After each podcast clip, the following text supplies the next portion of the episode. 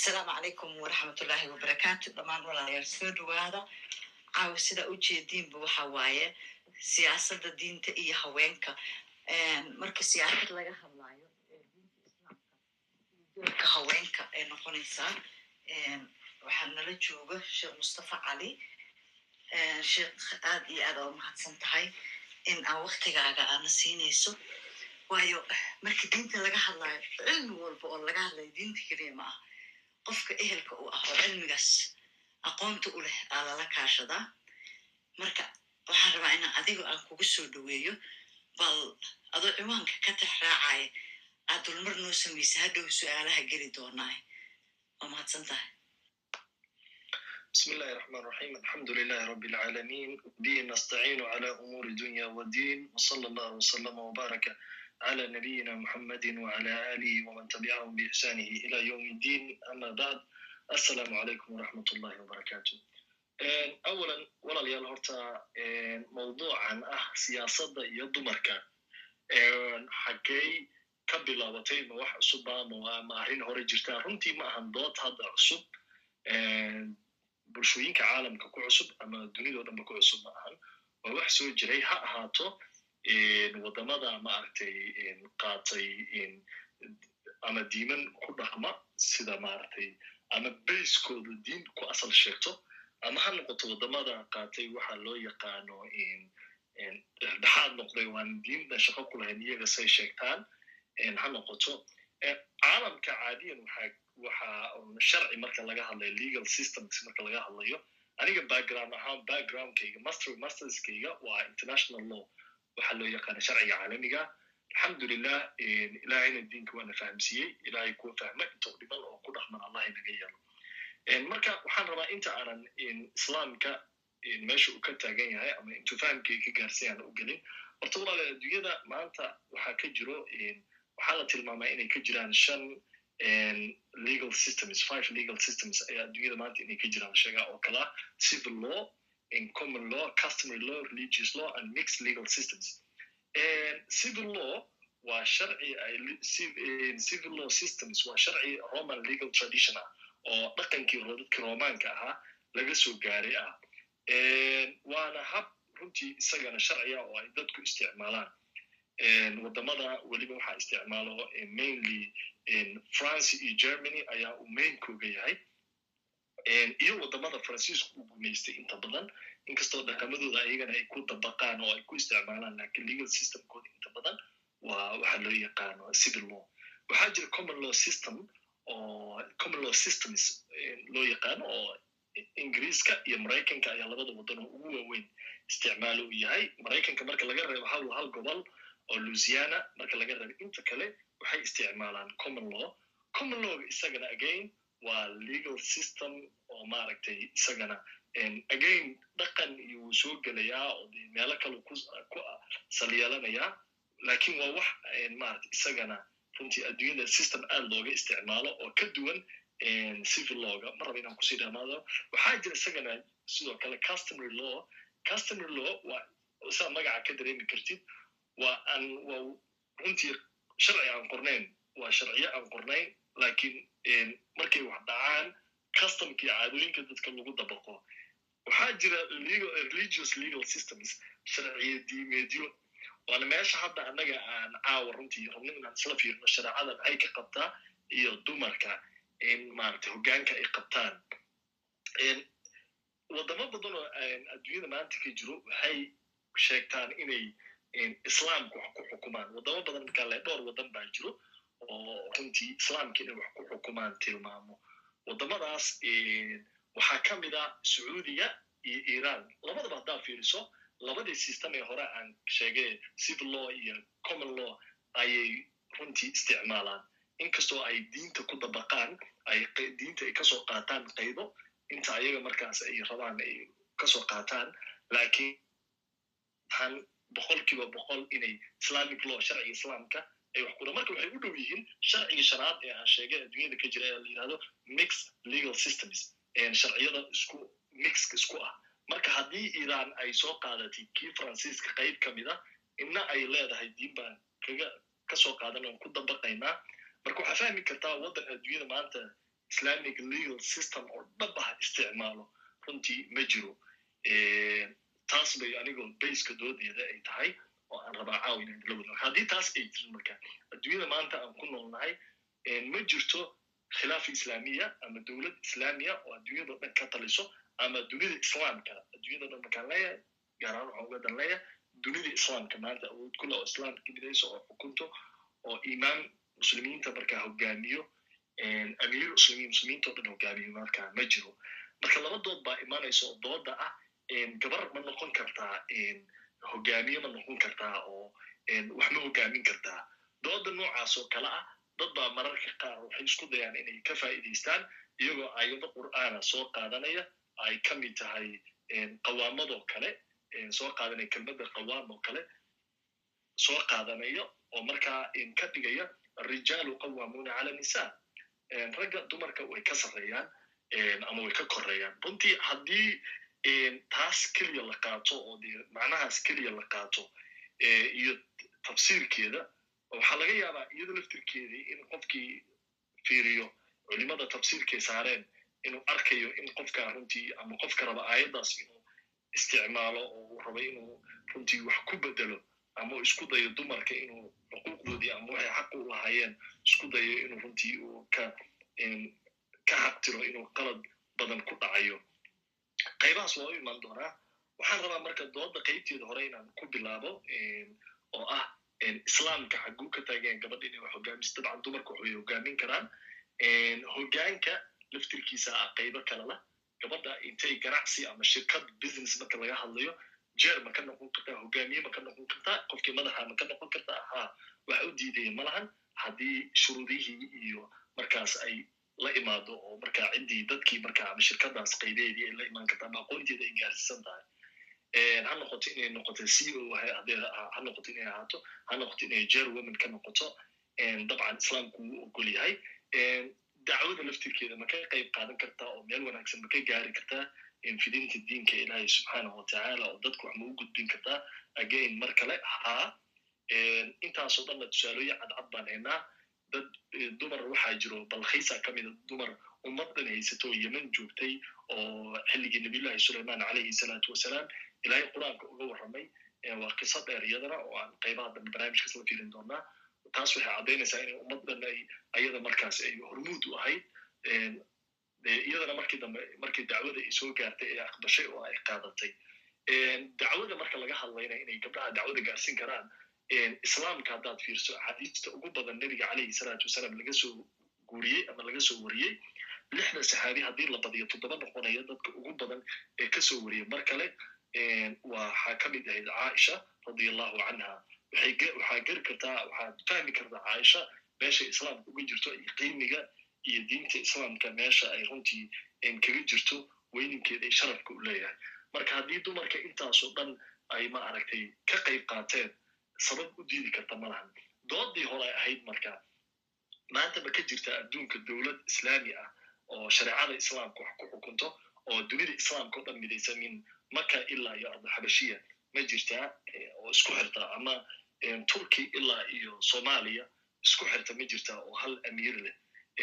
Jawaabtu waa maya. Mar hadday saas tahay maadaama adduunyada states ay leeyihiin dowlado ummad walbana ay shuruuc iyaga ay degsadeen ama systemyadii aan sheegay ha ku dhaqmaan oo civil law common law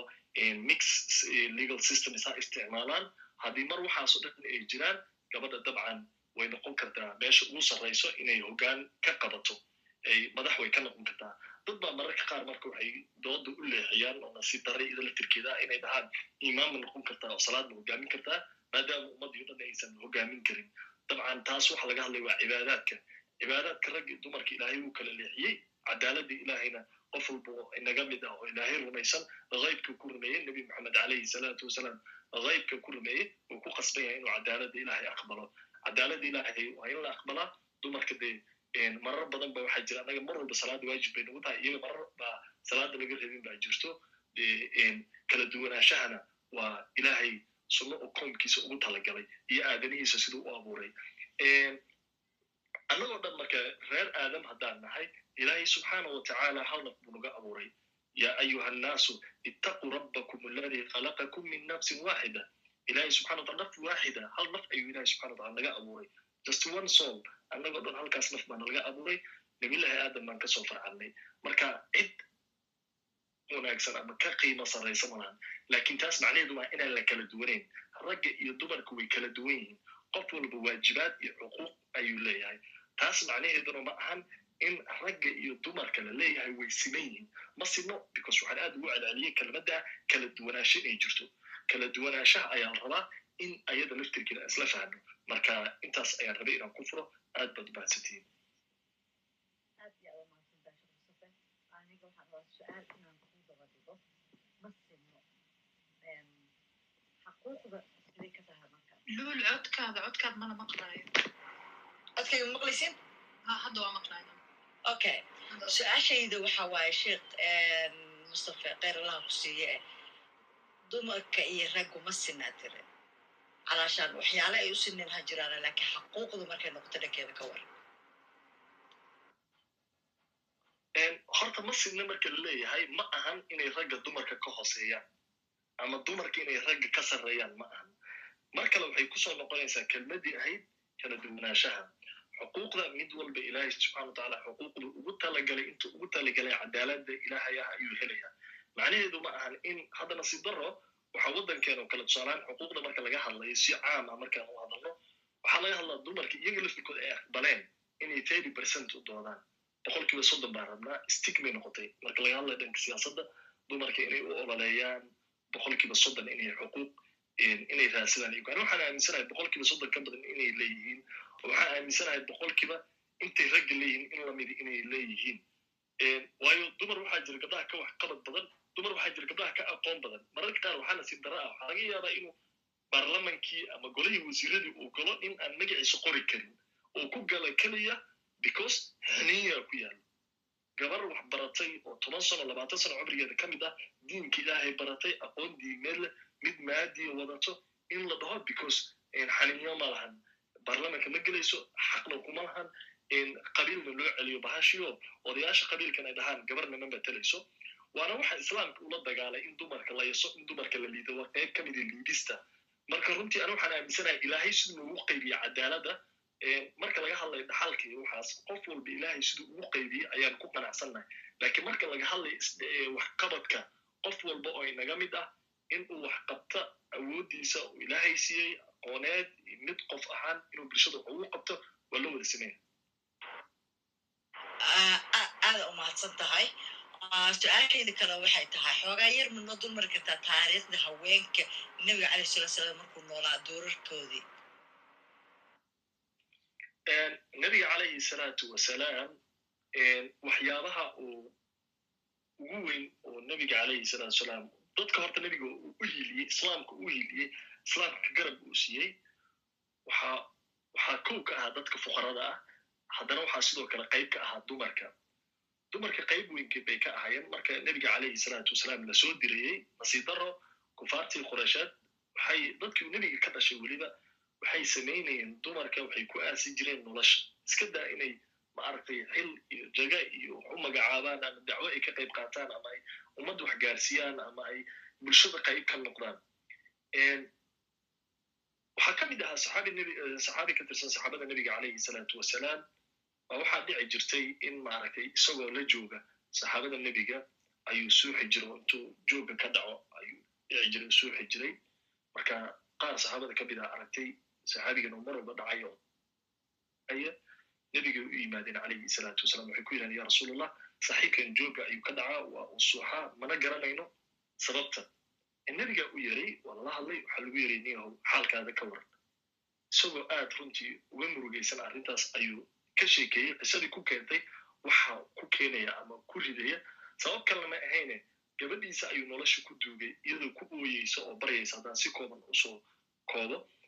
Oo le aaba waxay duugin laa tudayic amaana laa tudayic amaana. Iyadoo baryaysa oo leh amaanada ha dayicin waa gabar yar oo ilmo yar ah. Markii hore intay hooyada uurka lahayd marka ay dhashay maalinta gabar inay u dhalatay ogaaday baa isaga iyo niyadiisiibaa dood dhex martay qalbadiisii doodaas oo ahayd inta lagu ceebeyn lahaa fadeexa kaasoo raaci lahayd wax kalena ma ahaynayo caado qaldan ahayd oo ah in runtii gabdhaha la isku caayo oo hadhow gabadha inay ceeb ku soo jiidayso inay ilmo xalaal aan ahayn oo wacala oo kale inkastoo xalaal waxaas aysa ogeen ilma aabaheed la aqoonin inay gabdhaha wax badan ku qabanaynin inay waxtar lahayn inay gabdhaha awood lahayn inaysan berri ku hiilin karin inay farcaaga badinaynin dee hadhow aad waxba mar walba inay minus tahay gabadha baa ka dhaadhacsanaysa bulshadaas laakiin marka islaamka ilahi subxana watacala soo diray nabillahi maxamed soo diray saxaabigaas wuxuu ka mid noqday dadkii islaamka qaatay oo fahmay gabdhaha inay faa'iide iyo wanaag iyo nimco leeyihiin mar walba ay ku soo dhacday gabadhiisii qaladkii uu ka galay iyo qaladkii uu noloshiisi ka galay wuxuu ahaa mid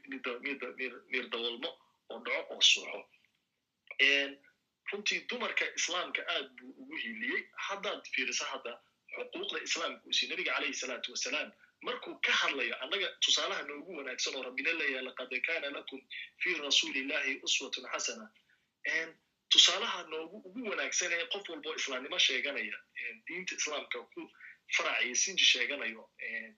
raba inuu nabiyullahi maxamed calayhi salaatu wasalaam ku daydo waxa ina baraysa waxay tahay in nebiga adeego uu ka ah gurigiisa reerkiisa u caawin jiray uu garab istaagi jiray marka waxaad fahmi kartaa wanaagga iyo darajada iyo qiimiga. Xitaa markuu nebiga calayhi salaatu wasalaam dagaal ama arrin ay ku soo ziyaado ama jihaad ama xaalad adag nebiga ay ku soo ziyaado calayhi salaatu wasalaam wuxuu ahaa qaar dumarka la tashto oo dumarkiisa la tashto. Bal xayaatada nebi maxamed haddaad fiirisa laftirkeeda dib aad ugu noqoto waxaad baranaysaa ama aad ogaanaysaa in nebiga qof dumara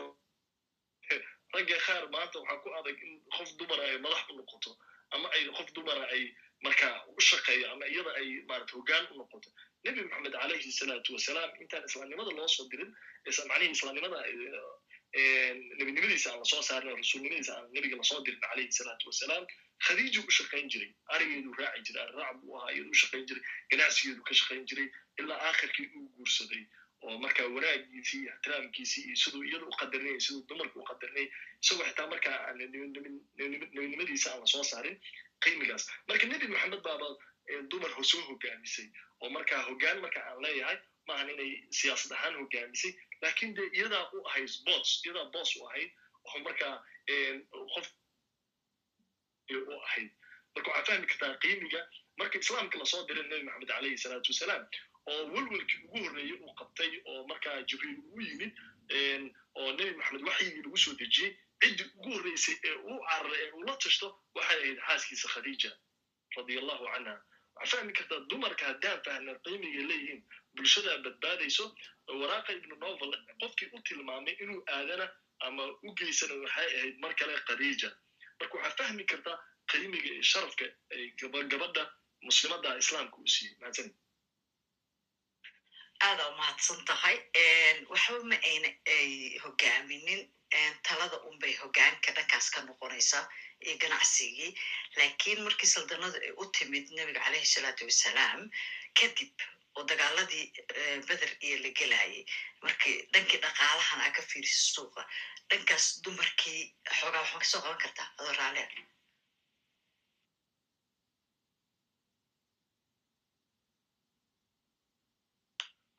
meesha igu celraan lahow carruurta hal mar iisoo ha may dhib ma laha su'aashaydu waxay ahayd calashaan haddeer taariikhda meesha aad fariisisa waxay ahayd intii uun maaragta nebiga nebinimadu ay ku soo deganin calayhi salaatu wasalaam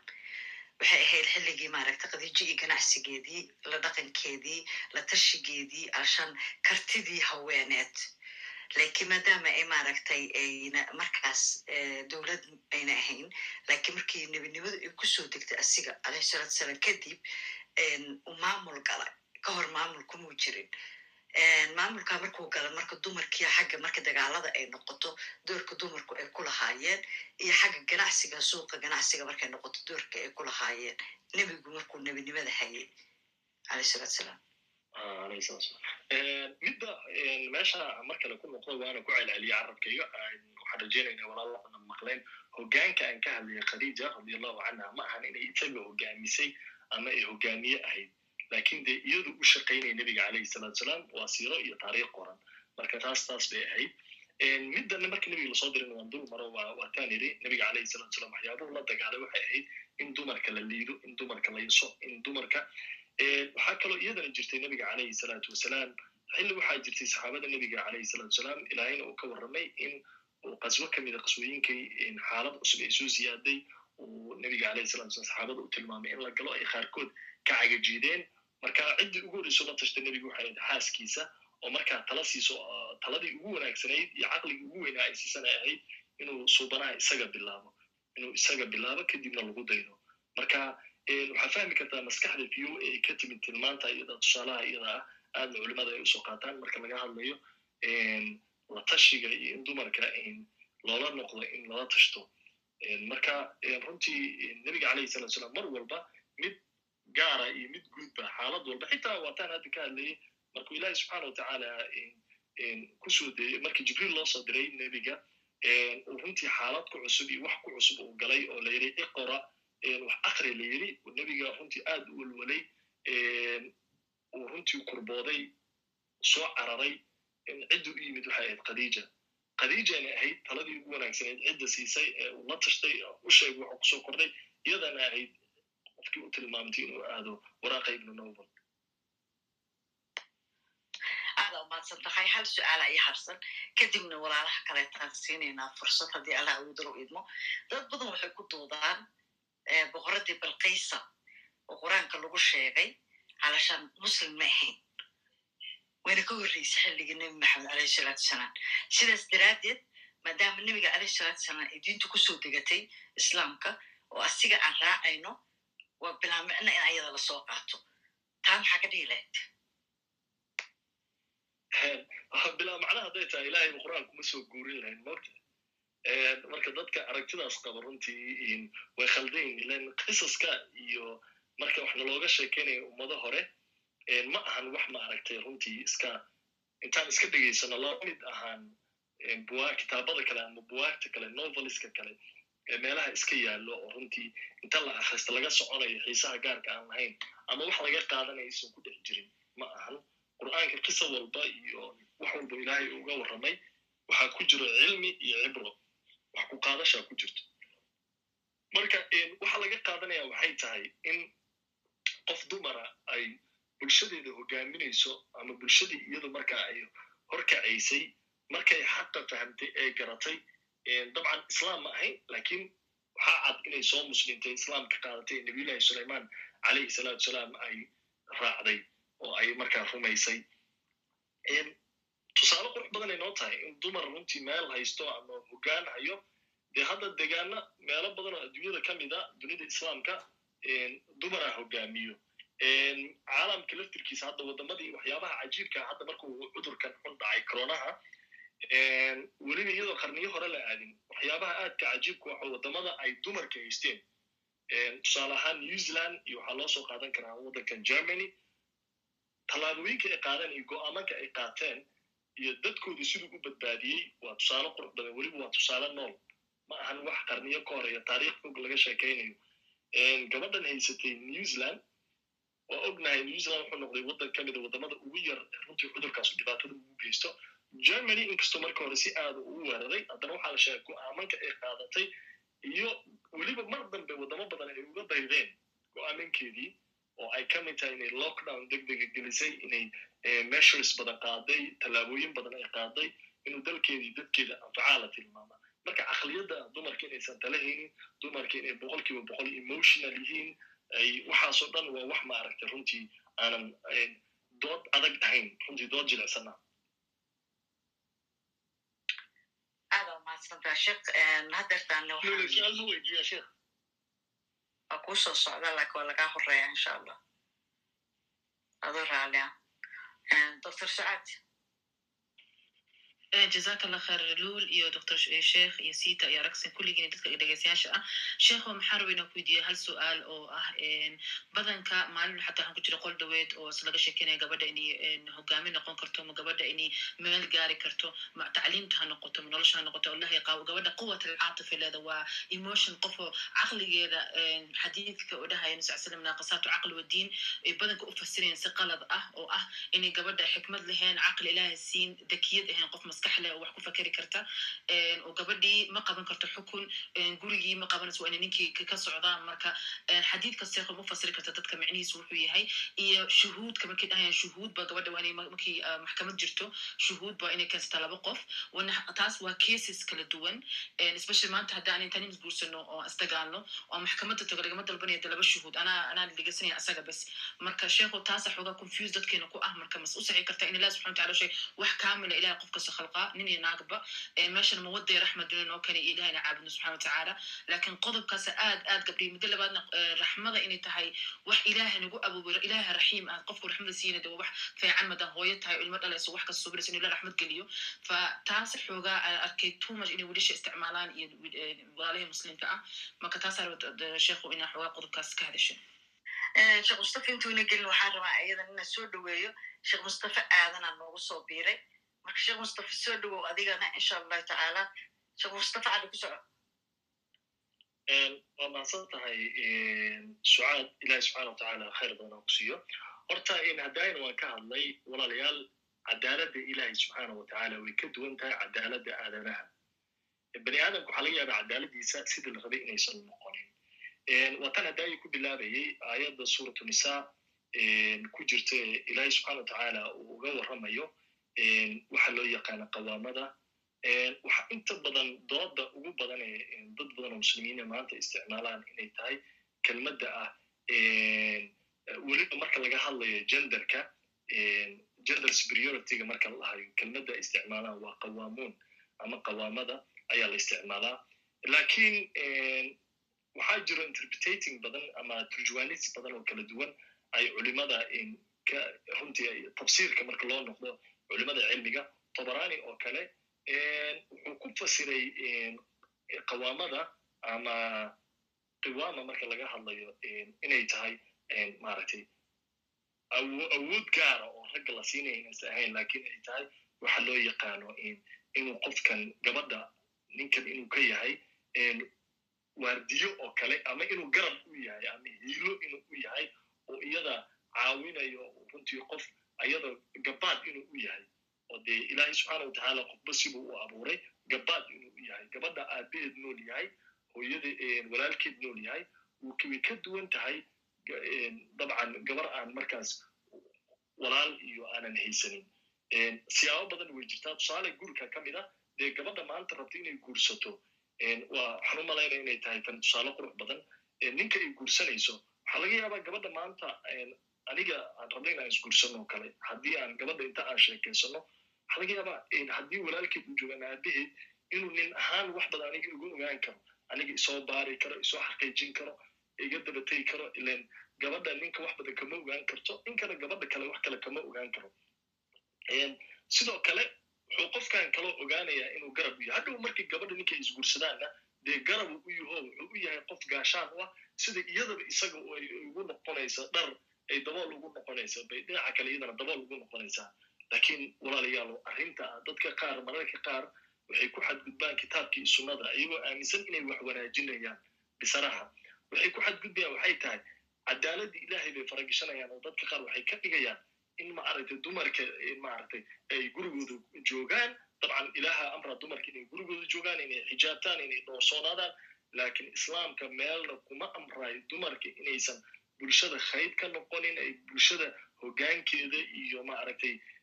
waxtarka bulshada aysan qayb ka noqon. Hadday noqon hadda dabcan tusaale waxaa noo gabdho dhakhaatiira ayaa halkan nagula jiro waxaa nagula jad wax bartay waxaa dadka ku dhex jiro dad runtii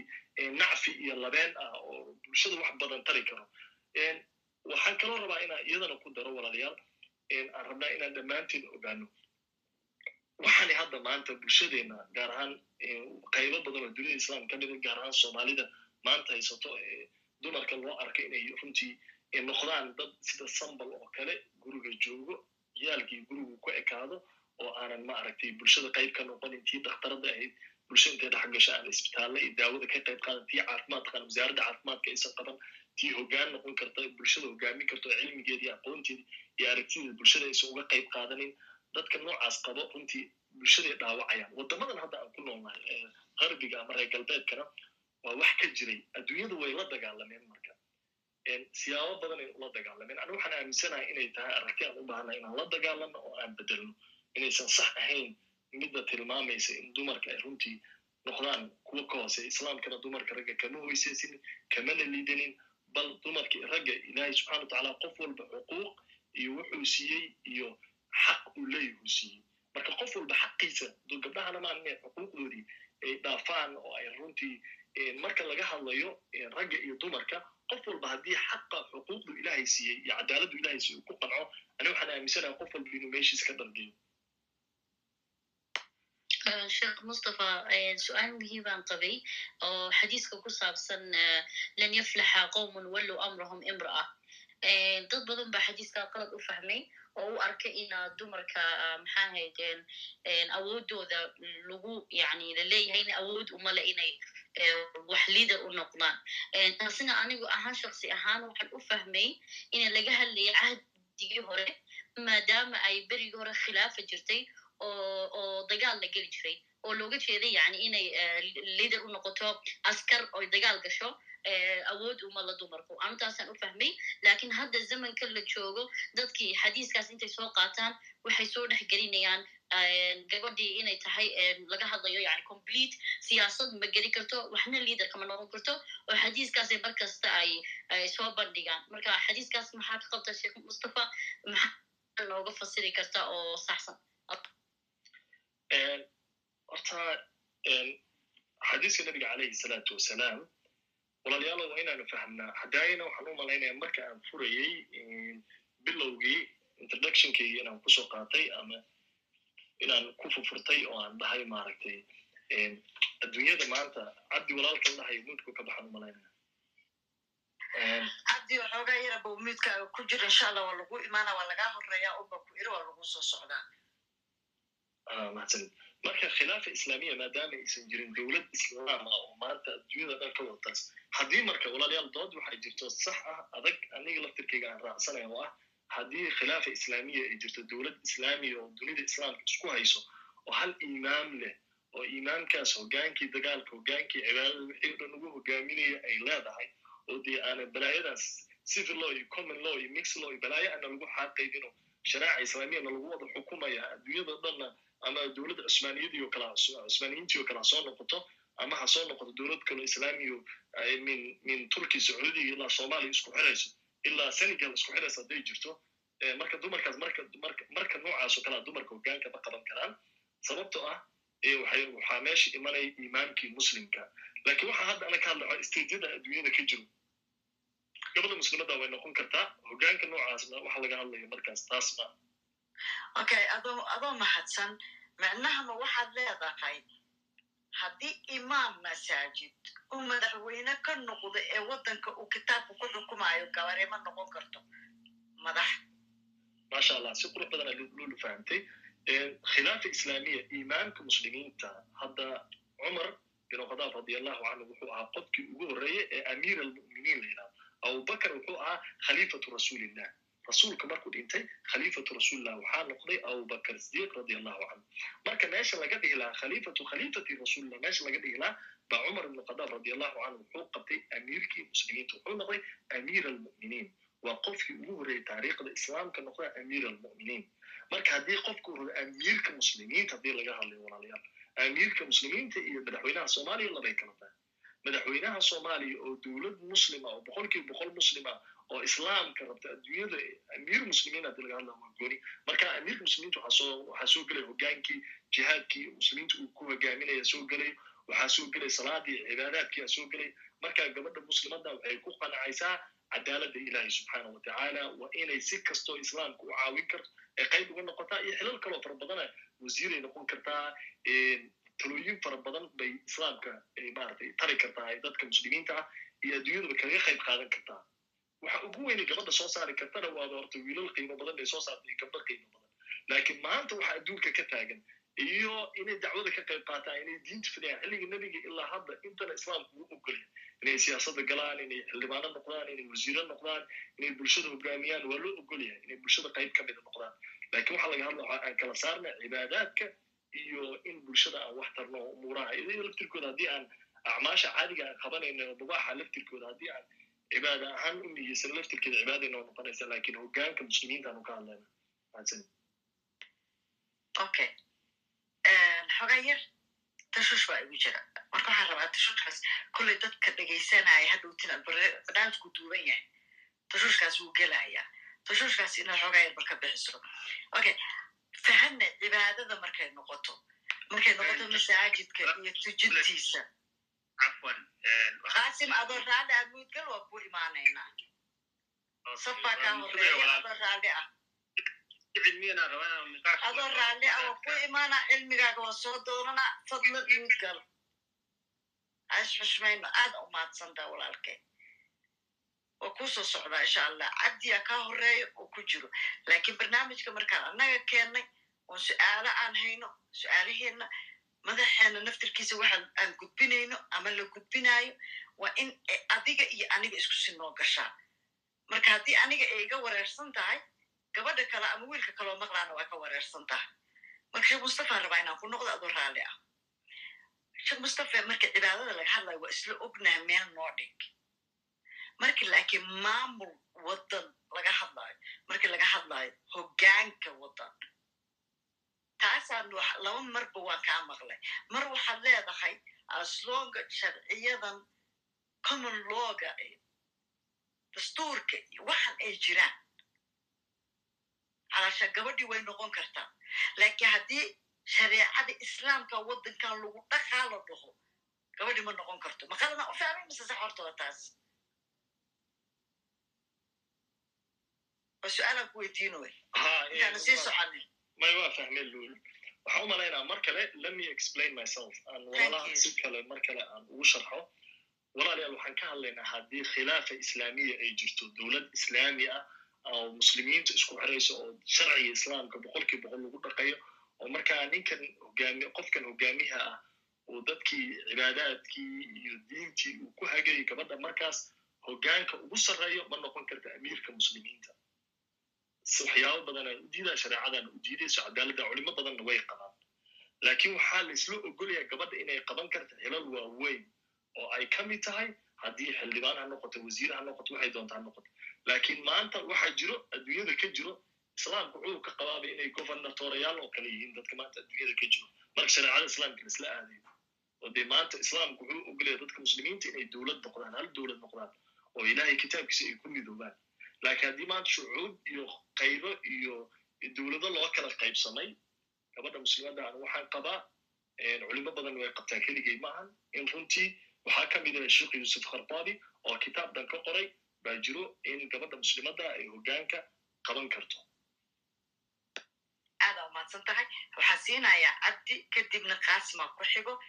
sheekh mustafa aadan waa ku imaana aada umahadsan tahay inaad nala joogto cabdi soo dhowo qofiga horumari waaya qaasim asalaamu calaykum waraxmatullahi wabarakatuhu aad baa inii salaamayaa maamaluul ilaahay khayr ha ku siiyo sheekh mustafa iyo dhammaan walaalaha ku jira meesha oo dhan runtii horta gadaal baan iga soo gaaray. Doodahan oo kalena waa doodo fiican oo loo baahan yahay. Laakiin dadka qaar fursad uma helaan ama waktiga u diida ama maba lagu siinayo meega mararka qaarkood marka raalli ka ahaada xoogaa haddaan tashwiish aan igu furay macnaha codsiga aan haddaan nidaamka xoogaa qaribay raalli maya dhib ma la soo dhowow mayga unbaa la garaacdaa waa lagu arkaa waa lagu siinaa markaas. Marka qolol kala malaha aad ku aragta aan cod kale isisiin qololkan way ka duwan yihiin soo dhowow walaalkay. Waa mahadsantaha walaasho waa mahadsantaha hameen dhaweyto qol baa jiray waxaa ka hadlaya sheikh la yidhaahdo sheikh kashka baa ka hadlayay saas oo kale barnaamijkan oo kalea laga hadlayey mid isku mid weeye dabcan marka fursad waa la ii diiday inkastoo aan laftay wakti dambe aan laga yaaba marka aan gacanta taagtay oon la arkayn laakiin wax badan baan gacanta taagto waan waayey waxyaalaha marka xadiidka waxa ka mid aha masalan xadiidka bukhaariga ku sugan annabi sal ly slama lan yuflixa qowmun wallow amrahum ila imra'a ba sheikh kashka waxaa ku jirta hadalkiisii xadiidkaas waa daciif waa munqatic oo xasanulbasri oo mudallis ah baa ka wariyey saxaabiga abibakr oo lama kulmin. Isla kitaabka saxiixulbukhaariga ah kitaabu sulxi buuba nas ku keenaya imaamu albukhaari in uu xasanulbasri ka maqlay abubakrata saxaabiga ah. Haddii qofka mudalliska ana sida culum culumul xadiis lagu yaqaano uu tasriix sameeyo walow marra hadduu caddeeyo inuu ka maqlay ciddaas ciddaa uu ka maqlay wixii ka dambeeyo waxaa lagu xambaarayaa inuu ka maqlay shardiga bukhaarina waaba shardiga ugu adag baa la oran karaa oo culimadu ku ijmaacsan inuu ka shardi adag yahay imaamu muslim oo uu shardiyo imaamu muslim waxa yahada mulaaqaad. Labadan qof inay isku casri labadan sheikh inay ardaygan iyo shiikhiisu inay kulmeen macnaha imkaanu luqi inay suuragal tahay inay kulmeen. Laakiin imaamu bukhaari asagoo wuxuu shardinayaa in la hubo inay kulmeen oo uu ka maqlay. Saas darteed ba imaamu bukhaari kitaabkiisa waxaa looga fadilay kitaabka saxiix muslimka. ah fursad waa la ii diiday sheikh kashkana runtii tadliis buu ku sameeyey arrintaas laakiin waktigeeda iyo markeeday noqonaysaa waxaan kaloo ra'yi ahaan soo jeedin lahaa. Marka su'aashaadu maxaa waa adoo raalli ah? Su'aasheeda horta waxa weye commenty wey su'aal aniga ma qabo. Hadda mawduucana gadaal baan ka soo gaaray. Sheikhana waxaan dareemayaa inaan isku ra'yi nahayba sheikh mustafe oo isagu wuxuu leeyahay mas'alada maanta taagan waaqica maanta taagan oo waaqicu alkhilaafa ama alimaam alcudma haddays maadaama aysan jirinin waxa kan la yidhaahdo waa masalo u baahan si waaqiciya in looga niqaasho ama mujtahidiinta casrigan jooga ay fiiriyaan marxaladan iyo marxaladda xilliga salafka ama dadkii hore ay kala duwanaan karto dumarka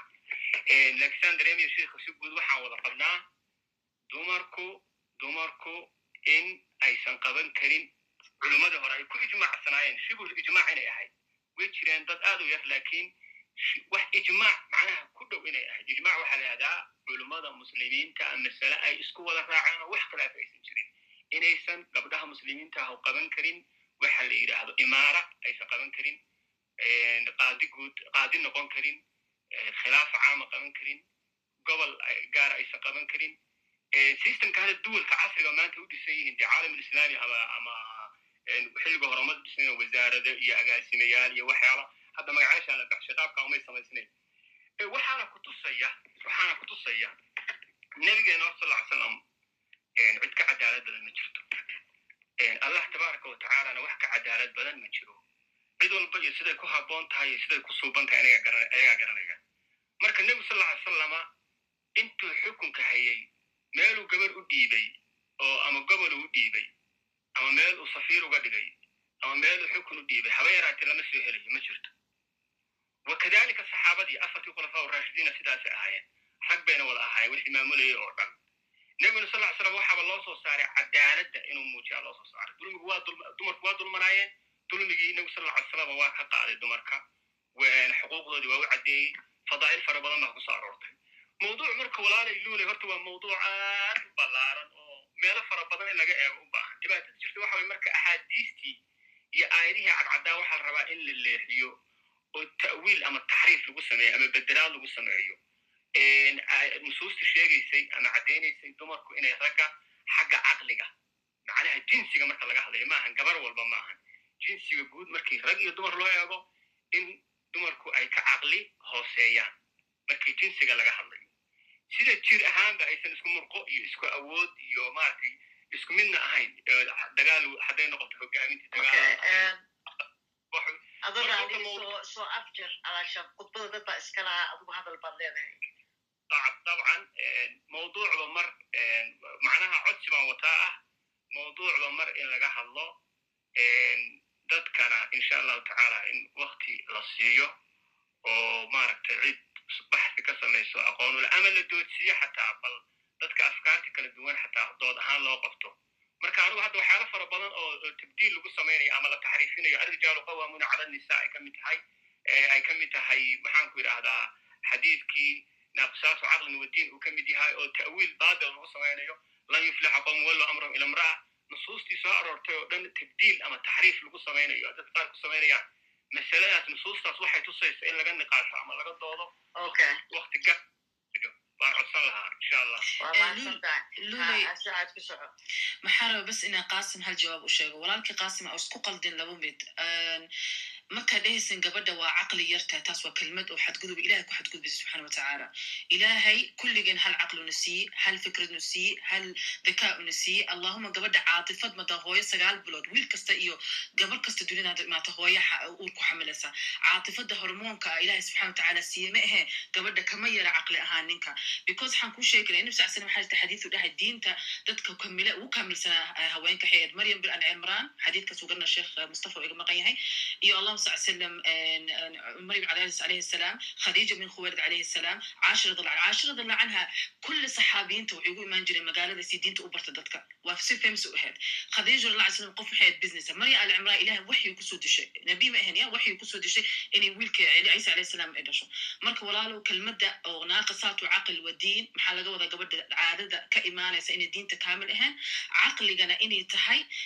مركي قبل عاطفة لا رحمة ما أنت أديك قف بعد شيء hooyada inta imaad kudhaysada wiilkay qofku dilo way kula safanaysaa waa hooyo way ku naxariisanaysaa marta ku qarisay rabtaa laakiin kama aha inay ayda caqli ka yar tahay waa raxmad baa ku jira raxmaddana ilaahay subxaana watacaala baa soo dejiyey walaalow mushkilada jirtaxaa dad badan intay soo dhexgalaan bixilayin gabadha way caqli yar tahay gabadha fikad malaha ilaahay baa ku lagu xadgudbin nabi sacsan lagu xadgudbin kus nabiga markuu gabadha keenay muslimka iyo iyo diinta islaamka gabadha way karamaysay caqliga way karamaysay haddaa taariikhda iyo historyga u baantay cuthmaaniyin ha noqoto amawiin ha noqoto balqiis ha noqoto maryam bin cali imran aasiya kulligood ilaahi subxaana watacaala wuxuu kutusaya xikmadooda iyo caqligooda xataa nabi sal alla slam mubaayaca mubaayaca intuu ooye umar xanaaqsanaa buu u imaaday umu salama kas xataa anaa ku dhamaanaya way baxda mubaayacadii u soo dhamaysay marka ana waxaan dhihi lahaa taas qodobkaas ka ilaali walaalku saa shirka ugu geli ilahi subxana wataala ku xadgudum ilahay khalqadiisa subxana wataala intaasaan kugu dari lahaa ku soco maamuluul fursadda si abaayadaas wax yar aan ugu jawaabo adoo raalli ah ku soco walaalkeen waa mahadsan tahay walaashay masalada horta waxa weeye ta'wiilka ama ama tabdiilka wax la dhaho. Naska in la bedelo. Koo ah dad ma dejiyo.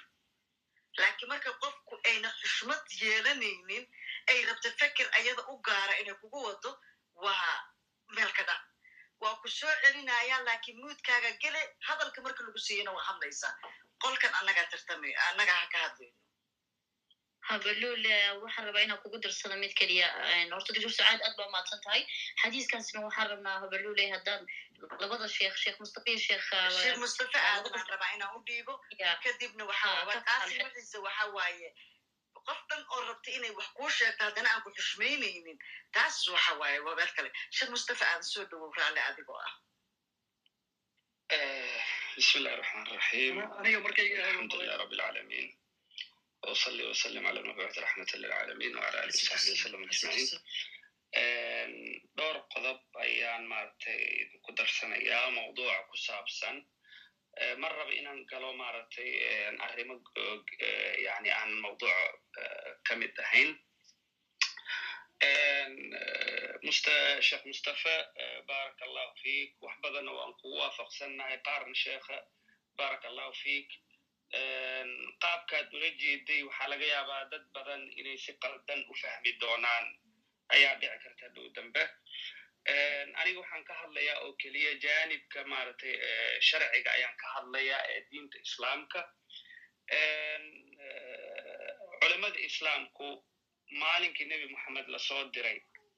ilaa iyo maantada nin oo caalim oo maaragtay darajad oo maaragtay cilmigiis ummadda ay isagu markhaati kaceen iskuma khilaafsano in gabadhu maaragtay walaayada sare aanan qaban karin. Lakin kuwa hoose khilaaf ayaa ka taagan oo maaragtay meelaha hoose laakiin wilaayat alcudma waxaa ku soo arooray maaragtay bal sheekh mustafa aayadda maaragtay uu sharaxay runtii si saxa uma uusan u sharxin alrijaalu qawaamun cala annisa qawaamadaasi waxa weeyaan maaragtay waxaa sharxaya qur'aanka qaarkii qaar kala sharxayo ilahi subxaanahu watacaala maaragtay wuxuu isla kitaabkiisa noogu sheegay marka uu ka hadlayay maaragtay arrintaasi in maaragtay ilahi subxaana watacaala uu ku siiyey maaragtay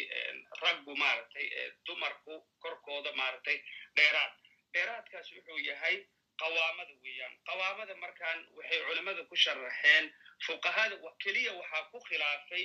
in gabadhu maaragtay oo wilaaya cudma ay qaban karto khawaarij iyo shiicada ayaa ku khilaafay. Laakiin culimada islaamka muctabiriinta ah laga soo bilaabay zamankii nebi moxamed ilaa iyo maantadan culimada maaragtay way isku waafaqsiin. Laba waxaa imaanaysa ishkaaliyad gal haddii nebi moxamed uu ahaa khayru khalqi illah oo dadka midka uga cadaalo badan uu yahay marka waxaa meesha ka soo baxaysa nebi moxamed inuu dumarkii dulmiyey maadaama uu u dhiibi waayo mas'uuliyaadka waaweyn. Waxaa jira waxyaabaha anaga fiiri ikhwani diinta marka laga hadlaa waxaan rabnaa inaan tajarud aan samayno aan isdhar tirno waayo maalintii yowm alqiyaamo waana la weydiinaya waxaan ku hadlayno.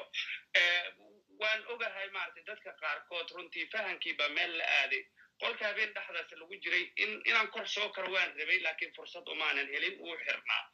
waxyaabaha qaarkood la soo wariyey oo cumar ibn khataab baa mathalan mas'uuliyad siiyey gabdho qaarkood mas'uuliyaadkaas kow wilaaya cudma ma aanan ahayn laba xataa sanadka uu sheegay labada gabdhood la sheegay waa sanad waxa weeyaan oo daciif e waay xataa hadduu sugnaado suuqay ahayd wax dhibaato kama jabno way qaban karaan isbitaalay qaban karaan meelo ka waaweynay qaban karaan laakiin arrinta ah maaragtay in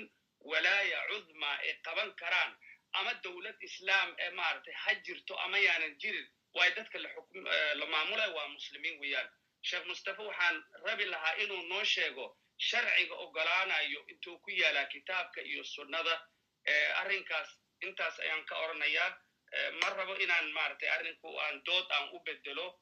fuqahadu islaamku markay ka hadlayaan diintu kama hadlayaan marxalo markaas taagan. Laakiin waxay kaga hadlayaan mar walba ay kaga hadlayaan kitaabka iyo sunnadana marka la fiiriyo maaragtay waxaa laga fahmayaa in gabadhu walaaya cudma aanan qaban karin. Nacam haddii qof uu yidhaahdo maadaama dadku diinba aanan ku wada dhaqmaynin oo qawaaniin wadci ay isku maamulayaan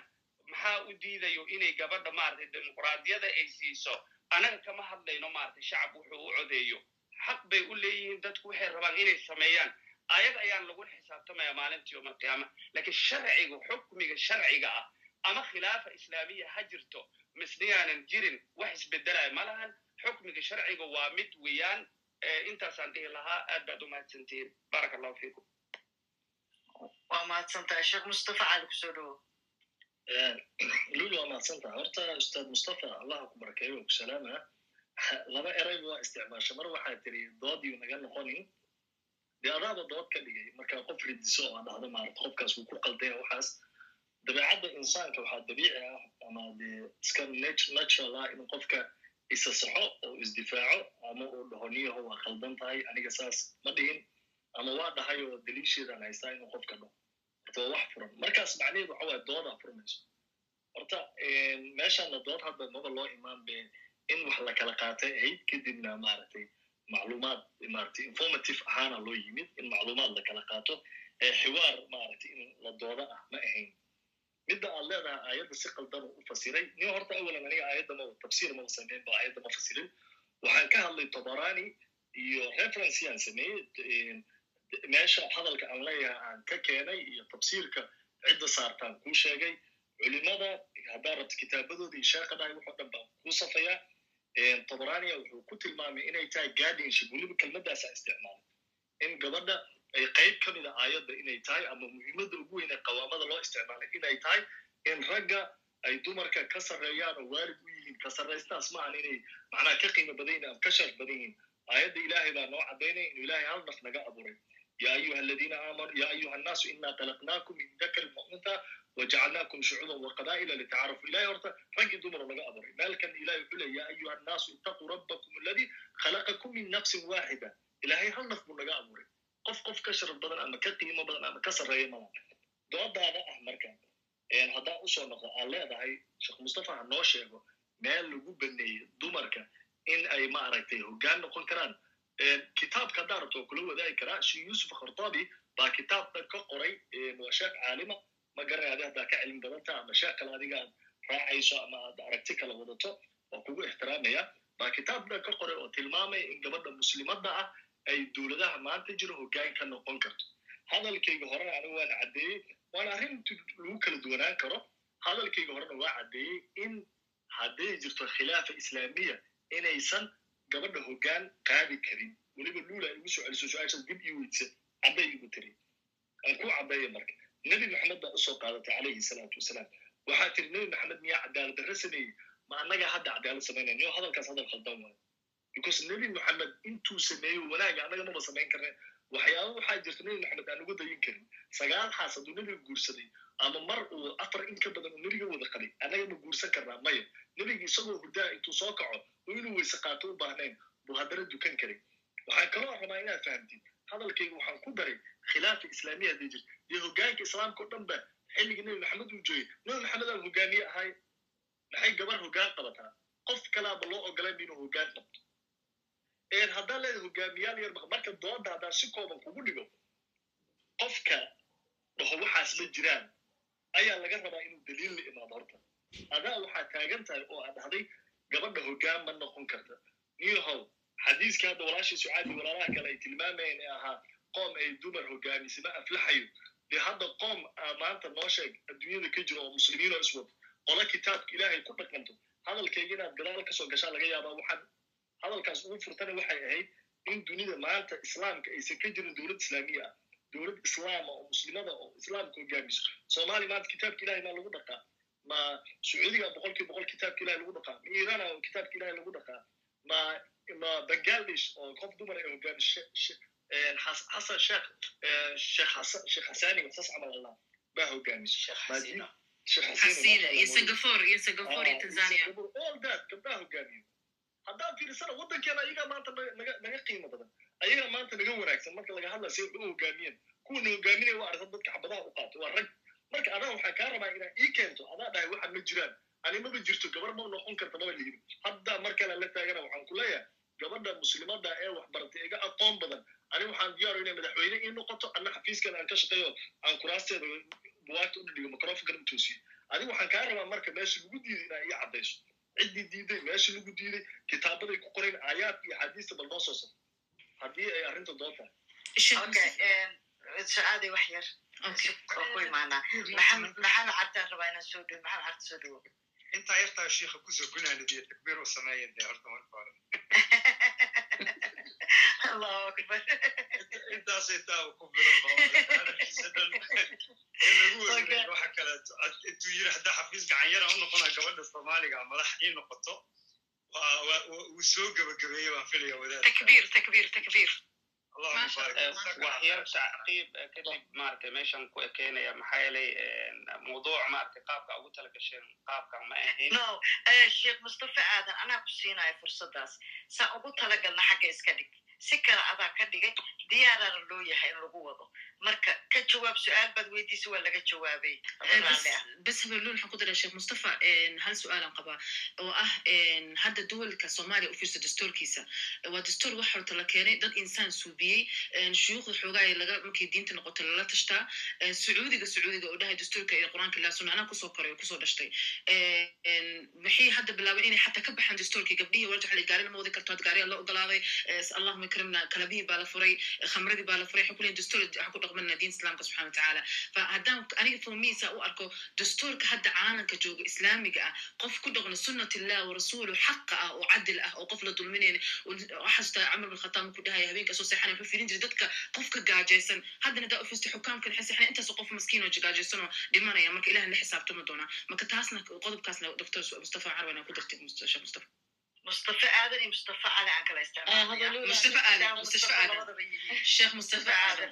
sheekh mustafa qabaluli aniga markaan sisi su'aalkanaan qabaa markuu waa su'aal ku soo jawaabta noqonaya markaas hortan aan ka soo dhamaado sheekh mustafa aadan soo dhowo maamulul anigana ma raacsadaa isla Please. su'aashaakalan qabaaye maysu sheekh mustafa hadhama sheekh mustafa hadhama walaash murad ku darso walaalay suga balaha la kala suga waa in baryaa tartiib aan degno madaxaan noo degaayo tartiibtana isula joogayna sheekh mustafa aadan soo dhowo walaal aad baad umahadsan tihiin daliilku waxa i aniga maaragtay aayaad qur'aan ah mufasiriintu wax in laysku qalda maaha meeshan anaga kama hadlayno maaragtay gabadhu iyo ninka ma fadli badan yihiin kama hadlayno ee waxaan ka hadlaynaa xukun sharci ayaan ka hadlaynaa oo tacabud uu yahay ilaahay aan ugu dhowaanayno wax nagama gelin annaga maaragtay muslimiin haddaynu nahay dadku hadday qawaaniin wadici ay ku dhaqmayaan ama hadday dimuqraadiyad ay ku dhaqmayaan xukmi xukunka sharciga isma bedelayo. Xukunka sharciga waa mid weeyaan. Haddii maaragtay sheekh qaradawi uu ra'yi u qaatay micnaheedu ma aha ra'yigaas inuu ku saxsan yahay. Waxaa loo fiirinayaa maaragtay asawaad alacdam lianna nebiga sala allahu alayh wasalam wuxuu noo sheegay wuxuu yidhi ummatii laa tajtamic cala dalaal umadeeda maaragtay baadi kuma kulmayso. Yacni boqolaal sheekh ayaa lahaayaa oo waxyaaba maaragtay runtii qof aan kaga hormarin ku hadlay. Micneheedu maaha inay saxsan yihiin. Taas markaa meeshaas aan ku baxayaa sheekh kardaawi aaraadiis waa la yaqaana oo maaragtay oo ku khilaafay maaragtay ummadda muslimiinta. Ama aayadda maaragtay arijaalu qawaamuna cala annisaai bima fadala cala bacd wa bima anfaquu min amwaalihim wejhul istidlaala muxuu yahay maaragtay mustaf adaan kugu soo celina wejhul istidlaalaga muxuu yahay walirijaalu calayhina darajan maxaa waay maaragtay maxaa loola jeedaa anaa kuu sheegay markaan wejhul istidlaala aayaddan waxa weeyaan ikhtisaas oo rijaash ama raggu la siinayo waxa weeyaan darajat lqawaama ee maamulka ama ha noqoto midka guriga gudihiisa ama ha noqoto midka banaanka ee dowladda maaragtay gabadhu markaan wilaayada oo caamka ah marnaba ma qaban karto. Yaa u tafsiiray tafsiirkaas yaa u sameeyey adigana u samaystay aimatu tafsiir kitaabka aragtid ku laabo. Ama inoo sheeg adi si caam ah uga hadlina ibnu noo sheeg. Sheekada iyo kitaabka ku dhahay noo sheeg. Tafsiirka saarta mugta hogaankiyaa la aayadda si caami u culimada qof walba tafsiir u saaray waa nagu kala duwan. Ta kale sheekh khardaabina hadda waxaa ku tilmaantay inuu muslimiinta khilaafo i muslimiinta masaladooda ku kala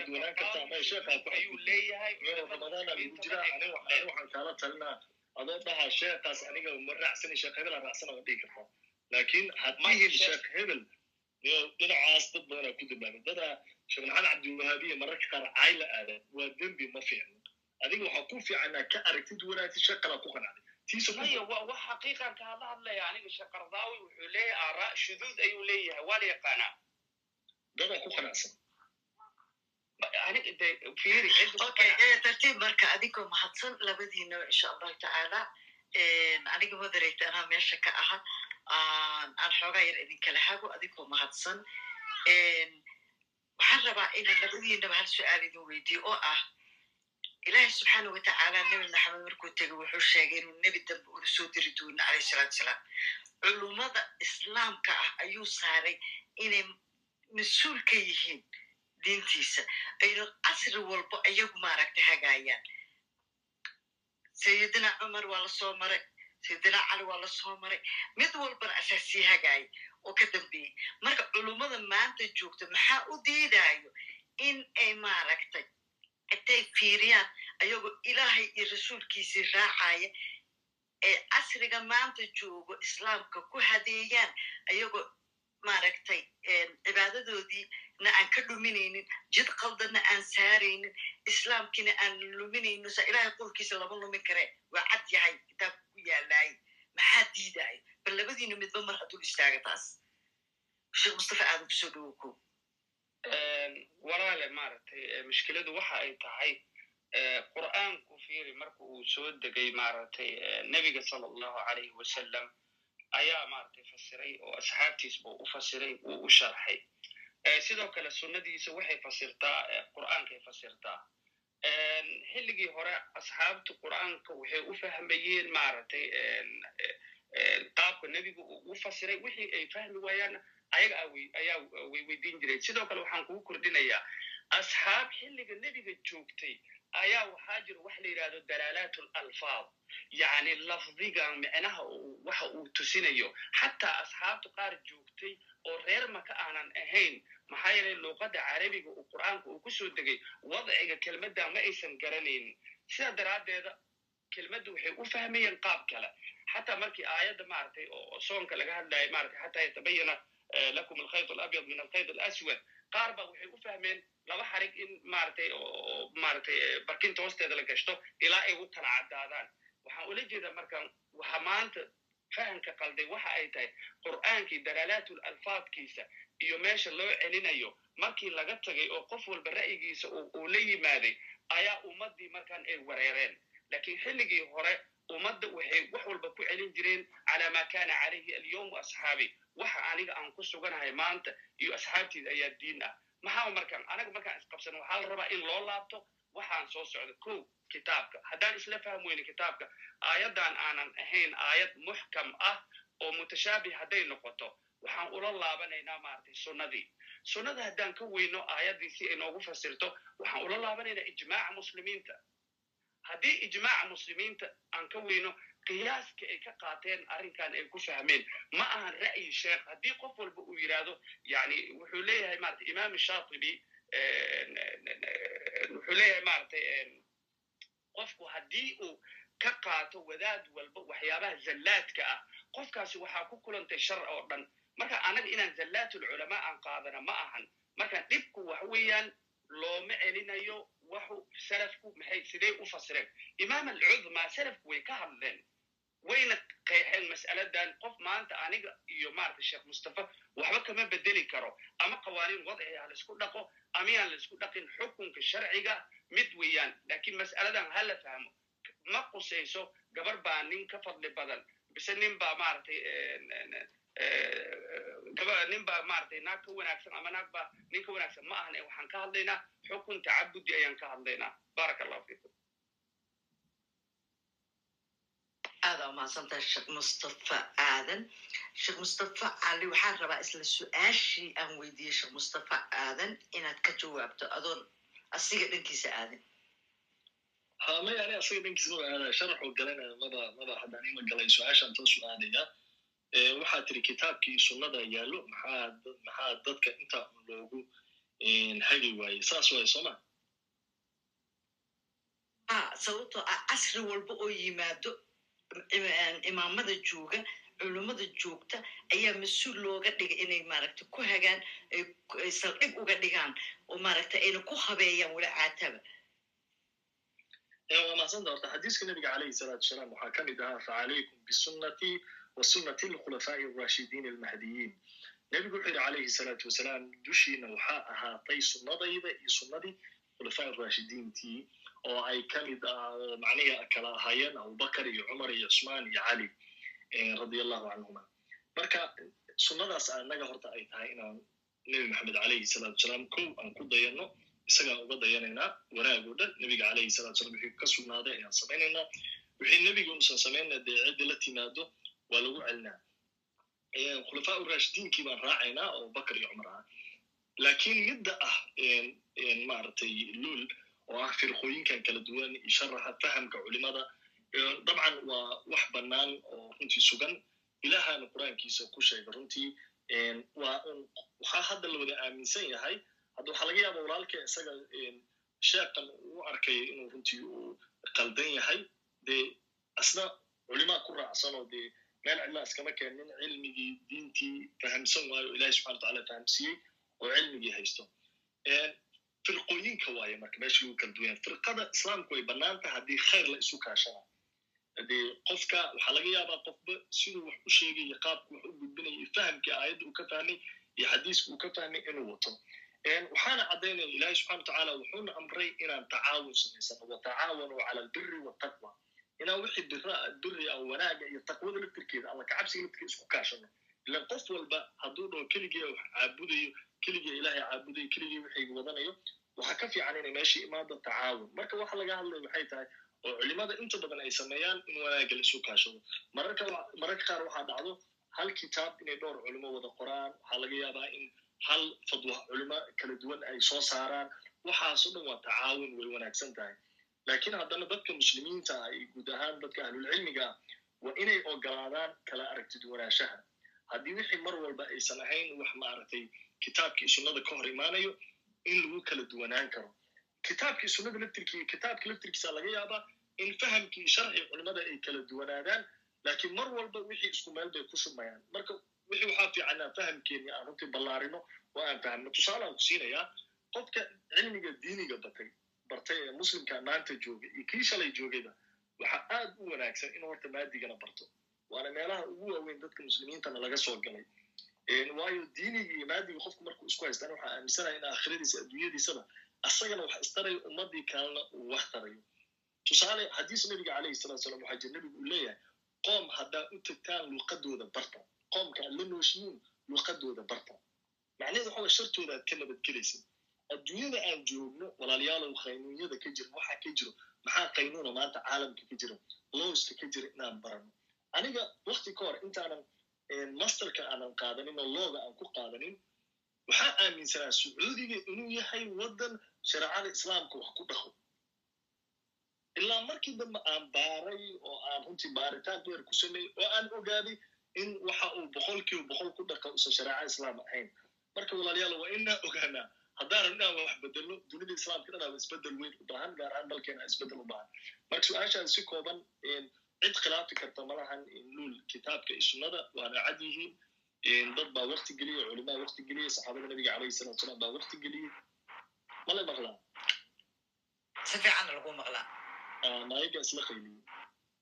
oo ku sabcinayn allah idin barakay marka intaasaan ku gaabsanaya daay wuxuu dhaha cabdi aan soo dhaweynaa daay wuxuu dhaha qof iga sii cabdi soo dhawow qof iga sii hormaray markaan ku dhahay konton jeero kabacdi aan baryey waa ku jeeda bikafaka like howl kala socotay waxaan rabaa luley waxaan rabaa inaan adiga su'aal ku weydiiye kabacdi culamadaada kaa rabto u dirso kabacdi markaan su'aasha ku weydiiyo kabacdina codsi baan raacsanaya haye codsigaasaan raacsadana announcement aan ku xijinaya su'aashaydu waxaa waaye aan raba adiga inaan ku weydiiyo kabacdi culamadaada aad u dirsatid ko cinwaankaanoo raacaya siyaasadda siyaasadda systemka dawliga caalamkan ka jira waxaa la yidhahdaa westefalic waxaana uu ka soo bilowday laba kaniisadoodoo heshiiyey.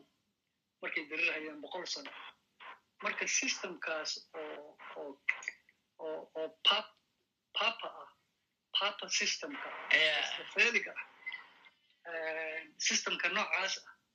hadduu u ogolaaday oon habi ku nahay inuuna diinteena wax u dhimaynin oo ragganagu madaxweyneyaal iyo ku noqonayaan waxaan rabaa systemkaas gabdhaha naga wax u diidahay su'aashaasaan rabaa ina inaad iiga jawaabto su'aasha labaad aan raba inaan ku weydiiye waxaa weeye mas'uuliyadda hoggaanka aanu naqaano oo realka ah maalin walbana aan samayno waxa salaada jamaacada. Ah salaada jamaacada naag ma naga bixin kartaa iyadana inaan ku weydiiyaan rabaa. Labadaa su'aal markaad iiga jawaabto waxaan rabaa sheikh qaasim ood hoos geysay gabdhaha maya waa soo celinaya sheekhaas waa u sheegay. Waxaan ku yidhi waa ku soo celinaa laakiin wait wait aan ku dhamaystiro sheekh qaasim waxaan ku yidhi waa ku soo celinaa laakiin wuxuu diiday inuu mayga galo oo wax yarna dhegaysto sababtoo ah qofku markaa idhaahdo mayga gal walaalow anaa hadalka wada eh inuu aamusi waayo xoogaa waa waan dhibsaday. Marka waxaan idhi waa ku soo celinaya waana u sheegay inaan soo celinaya waana soo celinaya sheikh qaasim marka waxaan rabaa in inta soo celisid su'aasha inaad weydiisid waayo gabar baa u ogolaato tiri wuu codsaday gabdhaha xidigta haysta. I believe aragsan inay ahayd ha laakiin no. Wuxuu haystay khudbuu galay. Waxaan ku iri calasha khudbadaada soo gaabi. Dad baa khudbada marka barnaamij laysugu yimaado qofna khudbay leedahay qofna waxay leedahay feedback. Marka saacad qofkii uma fadhinayno calashaan aan mayga siinay. Soo gaabi wuu soo gaabiyey sharafuu leeyahay. Waa ku mahadsan yahay. Kadib waa laga qaaday jawaabiyaa laga bixiyey. Asiga iyo inuu la wareega ma aha barnaamijka. Runaa la rabaa moogta barnaamijka dad badan baa wada jooga oo raba inay su'aalo weydiiyaan. Waa inuu fursad siiyaa anoo xushmaynayo walaalkay waana soo celiyey. Waxa waaye isdhegaysi un baan ka dalbay. Wax kale ma ahayn. Sheekh qaasim waxaan ka codsanaynaa inuu dhegaysto laakiin pointka i'm trying to make waxa waaye. Sheekh qaasim hadalka ku socaa la yiri one of the moderators baa yiri ku soco anaa ku anaa ku dhahay anaa ku ku soco abdi laakiin madam luul oo meesha maanta programka dhan haysa ayadaa si u aragta suubinaysa madaa ayada aakhira siiye noo soo waxaysa noo soo abubashay programka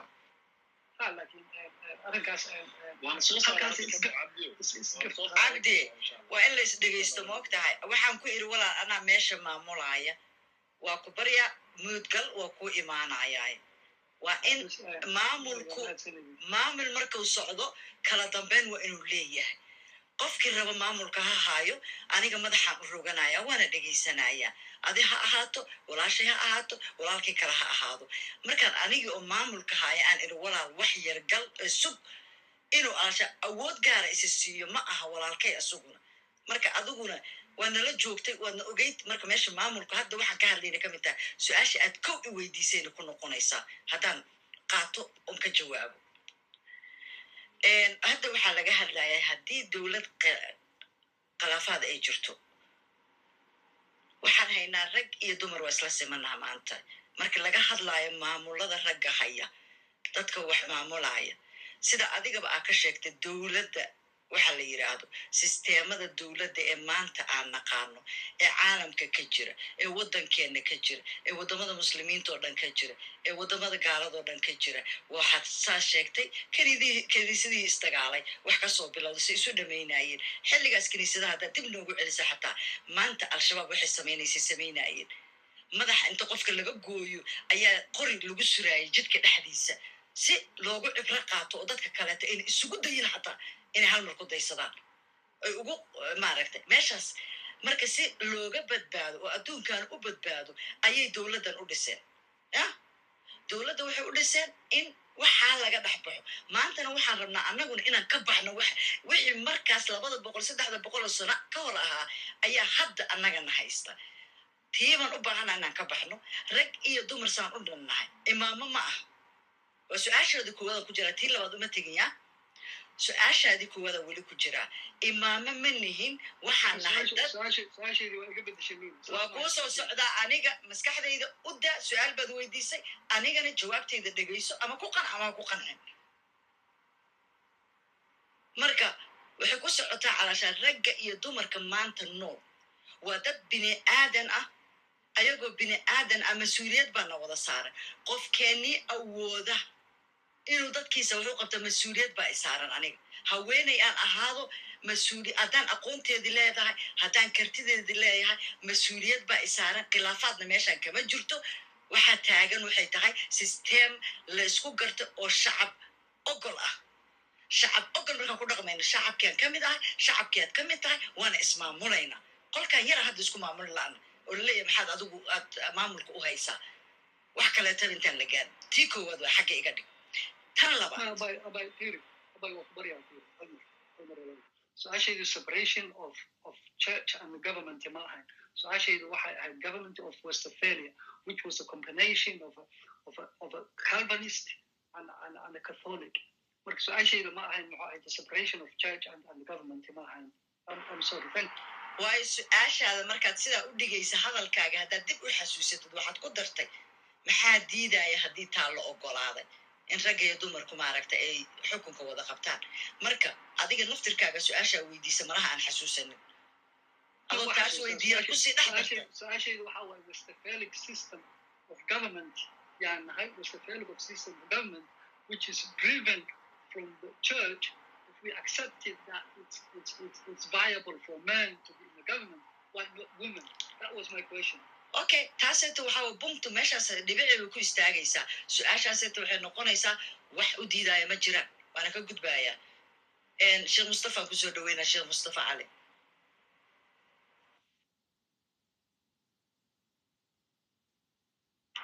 sheekh mustafa cali may maqle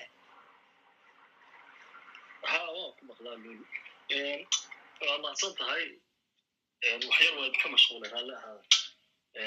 horta walaalayaal waxaa codsanayaa barnaamijkan. Markii kow walalaha iisoo sheegayan ilaahay khayra siiyo wuxuu ahaa ujeedkiisa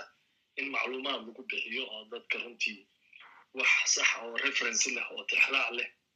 oo daliil wadato oo daliisheedu la socota in dadka runtii la siiyo loona sheego. Qofkii markaas markuu mawduuca dhammaaday kadib su'aalaha la furo saasay xoogaa waxaa moodaa inuu naga galay xiwaar iyo dood dooda laftirkeeda u baahan in laisla garto cidda doodayso mawduuca laga doodayo waxaa laisla ogolaya iyo waxaan laisla ogolayn in la isla nool marka aadaabta dooda horta taas waaye laakiin xoogaa anaa dhahay anaan dhihin naga daaya intaas waa iga codsi. Su'aasha walaalka waxay ahayd aniga laftirkeeda sayluul ugu yara wareertaa ugu wareeray. Haddoo soo sharaxaad gelin si kooban u dhihi karo. Saas iyo saas maxay tahay hadduu ku soo koobi karo? Markaas wax badan buu istaba dhigay way fiicnaan lahayd mar raba inaan aniga laftigiisa dhinac qaldan aan hadalkiisa ula aado oo hadhow isagana uu soo gabadho sidaa kama wadi cabdiyo adoo mahadsan hal mar ku soo celi cabdi mana maqle adoo raalliya hal mar ku soo celi su'aasha Ah, waxaan u malaynaa waa staku ka noqday facebook maxay tahay clubhousena waa lagu yaqaanaa inuu maaragtay qofka bas walaalihii kaloo fahma u dhiib insha allah Socod adiga kuu furaya ku soo dhawo maxamed cartana ha kugu xigsado ha may ani bis xaraba inaad durdool la socdo maxamed cartimo ku hadla kabacdi mawaaliid markaas dadka kor dada xara u sheega hoos jooga oo gacanta taaganaya marka dadka kor joogana soo dejino baa ninkani soo korsina laalana noqda marka saasaan bis aan ku sheegi lahaa lul okay adaa umahadsan tahay maxamed carta soo dhawow waa mahadsan tahay asalaamu calaykum waraxmatullahi wabarakaatu waxaan rabaa marka hore calaykum asalaam waraxmatullahi wabarakaatu waxaan rabaa marka hore inaan dhaho horta ani gadaal baan ka imid sheekh mustafa cali oo arrinta gabagabeynayaan soo galay marka waxay maraysa meel fiican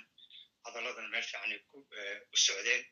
Uh, aad iyo aadna waxaan ula dhacay wax kastoo koleyba oo hadala iga horreeyey oo uu sheegay iyo dadka kalena sheegayna kolley ma xasuusti laakiin waxaan xasuustaayo de intii hadda u dambayso lahayd takbiirka oo ahayd arrinta uu hadalka ku soo oo ah siyaasadda diinta iyo haweenka qodobka ah eh, oo uu ku soo eh, gebagabeeyey wadaadka oo ahayd de in qofta dumarka ah wax u diidaya aysan jirinin inay madax noqoto nidaamka dawliga ah ee guud ee maanta aan ku noolahay arrintaasayto. baa anigana xaq ila ah sax ila ah. Waana macquul dadka inay kala afkaar duwan yihiin inay eh, ayakoo fiirinaya taariikh iyo cilmi iyo cilmi baaris dheer iyo dad badan waxay sheegeen iyo diintii iyo tafsiirkii iyo ta'wiilkii. Wax kasta fiirfiirinaya laga yaabo inay eh, qaataan conclusion ka duwan dadka kaleeto waxay qabaan. Lan wixii isku qofku laba qof isku afkaar ma noqonaysa markas waxyaalo kale lagu kala duwanaan karaa. Taasi meel dhig. Waxaan rabaa sida eh, eh, hufan oo fiican oo hadda aad ka wada hadlayseen in aan tixraac u sameeyo dadka eh, qodobkan la socda oo raba inay wax ka akhriyaan. Buug waxaa jira ay qortay qoftoo la dhihi jiray faadimo oo aad iyo aad dhanka kaleeto arrinta uga dooda oo actually waxaaba loo yaqaanaaba qoftanita ah women muslim feminist baaba loo yaqaanay maadaama ay aad iyo aad dhankanita diinta waxa ku saabsan iyo taariikh iyo culumta iyo islaam iyo iyo iyo maxaa la dhihi jiray tafsiirka iyo axaadiista waxyaalo ba- badan oo annaka maanta aan u naqaano ama loo arki karo inay noocumaa lid ku yihiin dumarka ama xuquuqda dumarka inay lid ku yihiin wax kastoo loo qaadan de aad iyo aad waxyaalo badan uga qorartay deh ma marka qaarkood dhan eh, khalada wax kala dhacda ama marka qaarkoodna dhan fiican bay meel eh, la aadaa. Laakiin dood guud qofkii raba inuu meel ugu tago eh, waxaan kula talinaya horta buuggeedaas inuu akriyo oo faaduma marnisi buuggeeda la dhaho the veil and the male elite. The veil and the male elite a feminist interpretation women's rights in islam doodaha uu hadda sheekh mustafa cali sheegayay oo sheekh kardaawi iyo arrimahaaseta ay galaan sida hadda wadaadka kaleeto mustafa aadam uu sheegayay xataa wadaadkii hoose aad u dejisay ama qaasim kugu jooga hadda kor u jooga asaa muna kugu xigto kadib asaa ku xigo qaasim waxtaa laftirkiisa doodihii uu ka hadlayey uu ka soo jeeday waxyaalahay ka hadlaysa weye qodobada dhan xadiiska nebiga ka hadlay sala alay wasalam dumarka qoomad ama dad ma aflaxaan oo dumar madax u ah xadiiskaasito eh, saxaabiga soo wariyey oo la yaqaanay oo ahaa inuu ka- maqlay eh, ishak eh, taabiciga inuu ka maqlay inuu ka maqlay doodaha dhan meeshaasay ku falanqaysay iyo arrimaha ku saabsan aayadaha iyo waxaasita dhan meeshaas ku falanqaysay. Waxaa kaloo soo raaca buug kale oo asna raba inaan idinagula taliyo uu qoray eh, wadaad iyo oday cabduqaadir diini la dhaho magaalada nala degan oo anigu hadda aan ka shaqaynaya dabcaddii labaad asagana ay mudid si dhexdhexaadsan inuu u qoray buugga oo la dhaho hoggaanka iyo haweenka hoggaanka iyo haweenka la dhahaa ayadihii axaadiistii afkaaradii badankood hadda dhan waxaanan ka hadlaynay buu eh, isaga xataa soo gudbinayaa xataa meelo badan wuxuu jawaab ugu dirayaa faadima marnisia qodobkeeda iyo doodeeda eh, si aad moodidna inay dhexdhexaadsan tahay camal buu asagana doodaasayta ku soo gudbinaya weliba ah, asagana dee wuxuu leeyahay qof walbana dee fikirkiisa iyo wuxuu leeyahay eh, khiyaarkiisa Eh, meeshaasaytu hadhowtiri fikirkiisa iyo khiyaarkiisa asaga xataa ku eh, cabiraya laakiin asagoonan wixii eh, kuusoo bandhigin doodihii dhan ma ma kugula soo kordhacayo anigu saanaa qabaa iyo taa qaado. Cilmigana marka dadku ay gaaraan da iyo wakti iyo waxbaaris iyo hanaan waxaa fiican qofku inuu asagoo si degan waxa u akriyo hadhowtidiina waxay si degan u soo gudbiyo hadhowtidiina aana dadka lagala kordhicinin kanaad ku saxsan tahay iyo kanaad ku khaldan tahay iyo waxaas in wixii laiswadaarsan karo si dad degan baa fiican oo walaalo ah ama anigu fikirka aan kugu qaato ama yaanan kugu qaado ama kugu raacay ama yaan kugu raacin qodobadaasayta sidaas in lagu socdaa jira anigu laftirkayga waa saa sheegay sheekh mustafa cali baan boqolkiiba siddeetan boqolkiiba sagaashan camal isku afkaarnahaa moodaa arrimaha haddaa intaan ka dhegaysanaya gadaal baan ka imid mar dambe waabaa jiray casharo laba sano ka hor aan bilaabnay oo la dhihi jiray forty hadith on modern social issues. waxay ahaan koox gabdho iyo wiilalo ardo wada ah ah iyo su'aalahan aan aad iyo aad u falanqayn jirnay marka maalin kasta waxaan soo qaadan jiray xadiith ku saabsan dhibaatooyinka bulshadaha dhibaatooyinka ama dhacdooyinka ama waxyaalaha dadka bulshada muslimiinta maanta waaqican galbeedka ku nool qiimad. Marka waxaa ka mid ahayd qayb dhan arrintan la dhaho gender identity oo jaamacadaha lagu dhigto waana ka hadalnay qaybta ah dumarka maxay xaq iyo xuquuq u leeyihiin. Waan ka baxayaa intaana ka bixin waxaan rabaa hal mid inaan idinkaga tago oo fariin ah. Inta kaleeta qolkaygaasiga jira hoose daaratid ii dejiye iluley haddii kaleeta meeshaan iska fadhiyay waa dhegaysan insha allah waxaan rabaa inaan hal mid idinkaga tago. Allah subxaana watacaala bini aadanka markuu yiri wajacalnaakum shucuuban qabaa'ilan gadaal uu ka yiri intaas saasaa idinka ka samey wuxuu noo sheegay inuu naga abuuray maxaa la dhahaa nin iyo qof dumara inuu naga abuuray intaas kadib inuu farac naga keenay markaasoo hadhuutidiina meelo badanna noogu sheegay laakiin waxaa meel ka mida oo muhiim uu leeyahay sababta waxaa dhan iyo khalqiga adduunkaa dhan loo waxeeyey waxaa weeye wax kale ma aha wamaa khalaqta aljinna walins ila liyacbuduun inay icaabudaan may la socotaa marka wax kastana wuxuu ku simay xuquuqdeena iyo arrimeena dhan intaasuu ku simay liyacbuduun culimmadii waaweynaa oo saxaabada ahaa waxay dhaheen micnaheedu waxaa weeye ina ilaahay ay bartaan cibaadada ilaahay lagu leeyahay u caabudna ilaahay see u caabudna waa inay ilaahay bartaan cibaadadaas waxayna gaarsiinaysaa ilaahay yuu yahay inaan xaqa cibaadadeeda waxay tahay yoolgaarkeeda rasmiga waxay tahay inaan ilaahay baranno marka kulligeen waa u simannahay qof dumara nin rag ah maxaa la dhahaa mid taajir ah mid faqiir ah mid dheer mid gaaban nala socotaa. Kulligeen waxaasoo u simanna wixii intaas ka sokeeya oo ah kan waxaa ma samayn karo qofkaasna waxa samayn karo. Waa wixii sida ilaahay khalqiga bini aadanka ku abuuray gudihiisa aan waxba ka gelin kartida bini aadanka kartida waa u wada simanna aan ka ahayn wixii karti aan ka ahayn inta kaleta dhan waa wuxuu ilaahay nagu abuuray oon wax aan ka qaban karno. Aysan jirin sida hadda nin wax ma dhali karo qofta dumarkaasna ma dhihi karto utris la'aan baan dhalanayaa iska socsoconayaa adduunkaasayto bimacnaa camal oo kaleeto wax xaq baan u leeyahay inaan ka tanaasulo dhalma la'aanta oo maba ku dhalinayo tuulkaasita dhan ma haysan marka waa lagu kala duwan yaha waxyaalahaas anigu intaasaan rabaa inaan kaga baxo oo tala guud aad iyo aad doodanaytana waa waa wada hadalkanayta iyo barnaamijkanaytana waan ka helay sidaa uso wadeen jazakum allah khayr wajaza maxamed cabdi aada u mahadsan tahay meeshaada ii joog cabdi adigaa maqnaa saacad dhan idono meelaad jirtay inuu kaa xirra inaadna maqlayso warkuuma hayno markaad timidna maygaad iska furatay adoon garaacin adoon waxba samaynin su'aalahayga ha laga jawaabana waad ka bilowday waxa waaye inaan isxormaynaa fiican su'aashaadu maxkamad ma taalo bini aadan isla hadlaayaan nahay aan isxushmayno cabbaar buu kaa istaag ahaa cudurdaar baan kuu samaynay waxaan dhahnay wiilku nama maqlo ee bal aan sugno intuu ka soo noqon waad soo noqotay mayga garaaco walaalo markaasaan kuu iman doonaa marka meeshaada ku sii jir muna ku soco aragsan waa kuu imaanaa shiqaasima kaa horreeya adoo mahadsan muna aadan ku mahadsan tihiin runkana noo furteen doodkaana ka soo qayb galnay laakiin runtii runka markii la bilaabay sheekad markii bilaawdeen hob weynaa lahay laakiin haddan runtii up. waxaa jeclaa lahay walaashay siita maadaama iidan sheeqad tahay culuum sharciyana student ku tahay so maxee aragtideeda rabaa inaa ina- ina- ina- inanaga tusiso diinta maxay ka qabtaa haweenka siyaasadda inay soo dhex galaan fadlan waa maqalnay shuyuukhda jazakum allah alfa khayr laakiin waxaa jeclaalahan gabdhaheena walaalaha diintana iyakana akristeena inay wax naga faahfaahiyaan jazakum allah alfa khayr aada u mahadsantahay muno sita soo dhowow asalaamu calaykum waraxmat ullahi wabarakaatu dhammaantiinay horta kow ani waxa ahay daaliba aa weli ahay yani cilmiga weli bilaawa ku ahay saas darteeda waxyaabo badanaa jirto oo weli ani aqoon u lahaynin weli heerkaas weyn. Maasha allah sidii wadaadaha meeshaan joogaan aa gaarin. Lakin maca dalika waxyaabaa jirto yani oo isoo martaana aqoon u leeyahay.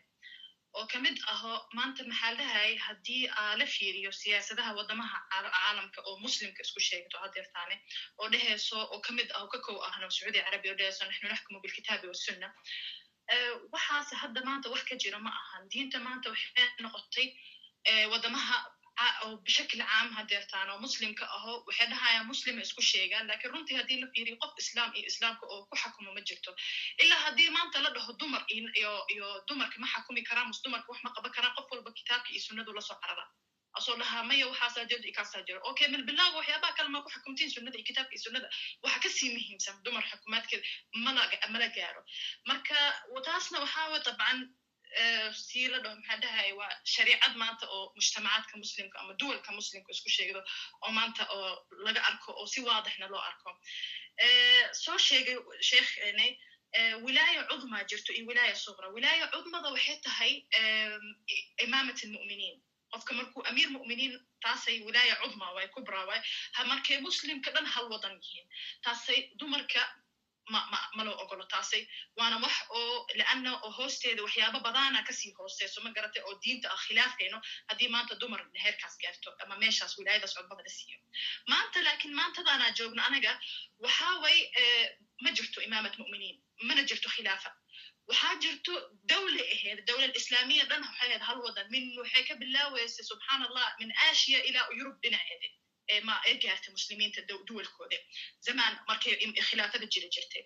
laakiin maantadaana waxaa way dawla ma ahan waa duwaylaad way yaryar yihiin macnaha waxay noqdeen sidii kul waxad xukum gaaru leeyahay waddan kasta wuxuu leeyahay siyaasad gaar ah waddan kasta wax gaara leedahay maanta haddii la isku keeno waxay haddana shardiyaa jirto ra'iisi iyo asaasi oo khaliifada ama wilaayat mu'miniinka oo laga rabo inuu caalim faqih fi diin oo ahaado maantana aawa caalim iyo faqih fi diin maanta waddan muslim xakumo subxaan allah ma jirto taas fa marka yani subxaan waxyaabo badana jirto oo haddana oo haddii la fiiriyo wadamaha muslimka tusaale ahaan tusaale maba lagu qaadan karo wadamahan siiba sacuudi carabi oo maanta qalbi islam isku sheegayso leanna waxaa meeshaas waxaa ani waxa u arkaa waddanka naagta uu hoos lagu dhigo. Leanna waxaa system waddanka dhan lagu xakumo oo la rabo maanta yani waxaa lahaye jaranjaro camal aho. Qof walba kan ka sii sareeya oo sii bahdila oo ku sii istaaga. Marka saas darteeday hadduu oon yani naagta xuquuqeeda ama dumarka xuquuqeeda rasmiga la siiyo oo waxaa la arkaa inay waxyaabo badanay maanta ee ragga la siman tahay diin ahaan haddeeta shariica ahaan haddeeta takliifka waa isla asiga yani waxyaabo badana jirto oo dumarka maanta iyo iyo maxaa dhahaye ragga oo ilaahay oo isla sibay laakiin waa la kala hooseysi cashaan systemkana jaranjarada aho oo kan ugu sareey rabo inuu ana rabbukum alacla camal inoo noqdo systemkaasi ma soconayo ilaa haddii qeyb ka mid ah diinta si qalad loo fasiro ama si qalad dadka loogu gudbiyo saas darteeda qof walba maanta muslim aho waxa uu si fiican horta kow inuu diintiis u soo barto hada diin fanduruu mima ta'khuduuna diinakum qof walbana inuu fiiriyo waa qofkaana oo diinta u soo gudbinaya intuu ka keena iyo muxuu ku hadlooya hadee wax jiraan siiba annaga si haddii dumar nahay aad iyo aada aa noola baxdilo runtii haddii laga hadlo aad iyo aadaana xaqeena hoos loo dhigay marka waxyaabo badan oo xaq u leenahay maanta aana laga qaatay biismi sharc waddiin oo haddiina dib loo raaco runta loo fiiriya xaqa u leenahay. Waa xaqna xaq shariica oo ilaahay subxaana watacaala nasi maanta daliil qur'aan oo dhehayso xaraam waa naag ama dumar in ay xakunto wadciga hadda taagannahay duwaylaadkaana taagannahay ma jirto maanta oo yani subxaan allah waxyaabo badan oo haddii dib loo raaco oo ana ku soo gaabiy hadalka aa jirto oo la qarinaya diinta sidoo sheekh horta sheekh sheekheene mustafa cali si fiican u hadlay waxyaaba badanaana marab inaa ku soo celceliya hadalkeey oo hadalkiisa oo sheega laga rabay oo saxdana aho maasha allah marka ilaah kheer badan ha isii intaas insii dhammaantiina intaas rabay inaan ku soo darsado waa shukran aada umahadsan tahay waxaan samaynaa maad qolka in la ilaaliyo way fiican tahay sheekh qasim laba daqiiqaan ku siinaa fadlan wixii fikir aa qabta nala wadaag kadibna dadka kaleetan fursad siinaya soo dhowo walaal sheekh qasim waxaa ku xiga mawaalid duruus iyo maryan insha allah insha allah saas ula soco sheekh qasim soo dhowo ayib salaamayaa anigu markii hore na waa cud daartay markii dambana walaashay doctor sucaad miya qof baa horta ayada ila hadlaysay waxaan ku idhi adaan weliba kula hadlay luul ma u jawaabi karaa baan ku idhi walaashaas adoo ii jawaabin ayadaa waxa i tiri ku soco walaalle kadibna waa i tuurtay marka horta khaladkaas walaalay qaado luulay horta. Qaladkaas waa qaadanaya horta waana ka raali noqonaysaa laakiin inaan mayga muudka aa gashaan kaa waaye. Muud inaan ku geliyo aniga waxaan ka bada inaan hoos ku sii geeyo intaan ka soo noqonayo marka waa qaadanaya anoo laakiin kas u sameeyo kuu sheegaya ha adaa marti lagu yaha meesha marki marti lagu yaha qofka hadduu habeen ku yimaado sidaa dee bardama laguma soo noqonayo. Hadda qofka hadduu asigana feri adoo raalli ah maya waa qaatay laakiin qaasimo adiga naftirkaaga haddaad tiraahda mayga haddii la isiiyey anigu aan ku amur ku taagleeyo qofna ma dhegaysanayo ayaduna waxay noqonaysaa isku dhac. Waa kaa qaldana laakiin qalad aan wax ku saxayo ahaa waa ku aamusan waaye may waa aamusan walaale gabadha ila hadashay anigu waa ka baxay gabadhaa tiri qaasina u jawaabo okay raalli ahaa hadda ku soco labada daqiiqo warkaana ku dhammaanaya. Ku soco ayib horta waa mahadsantihiin dhammaantiin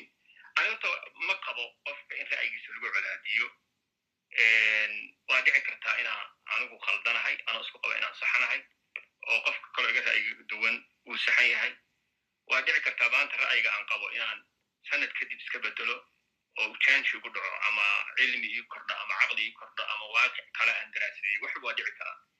saas darteed horta waxaan si guud u sheegayaa waa la niqaashayaa oo afkaar baa la isweydaarsanaya meesha horta dagaal ma yaalo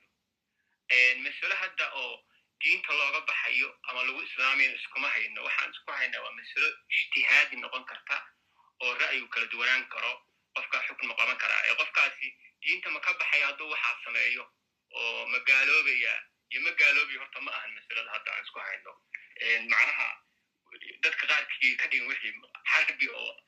la isku dhammaanaya laga dhigin horta taas oo dejiya ayna dhihi lahaa xaaladda waa masale iska fiqi ah oo maaragtay laga niqaashi karo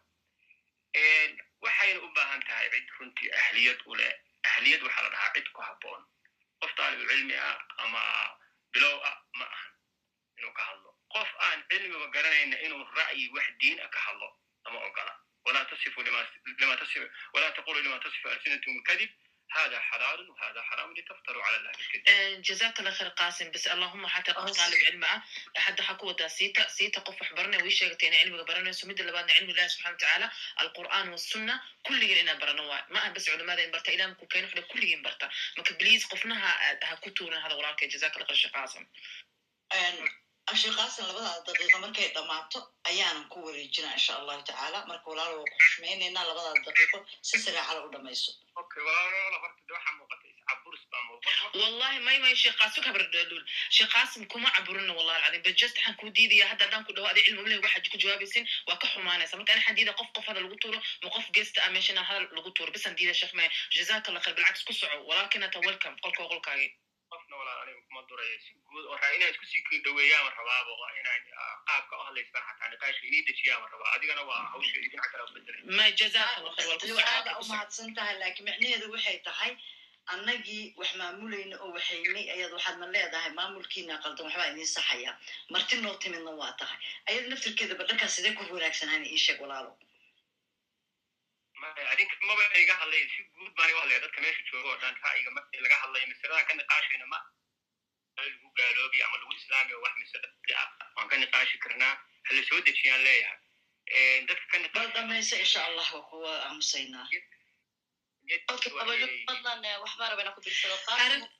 qaasimuna waxaan rabaa inaan ku idhaa horto een, waxaad tiri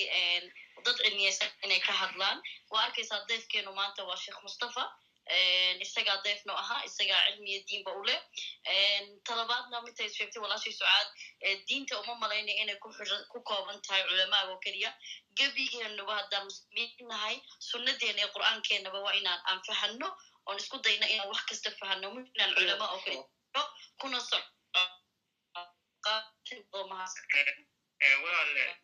diinta takhasusaad baa jira dhakhaatiiru takhasus bay leedahay waxbay ka hadashaa qof walba dhakhtarnimo kama hadli karo qof walba injineernimo kama hadli karo diintuna wax iska fowdo oo furan oo qof walba firi u yaho wuxuu rabo uu kaga hadli karo maaha. Ilahi subxana watacaala dadku waa loo qaybiyey culamo iyo waxay kala yihiin dadku iyo dad caama oo dhegeysta marka gabdhuhu culimo ma ahad leedaha marka. Malihi maama mali hadalkayga habedelo marka culumay caaisha culumay. Hadda aqli baan ku hadlaynaa maskax baa nagu taalo wakti baan ku siinay. Maanta dhan annageed nagu dhex rafaraysahay hal mar naga dhamo kheyr laha ku siiye walaala waa in salaam asalaamu calaykum maymay sheekh qaasim ku socoso oo boydkaaga u tago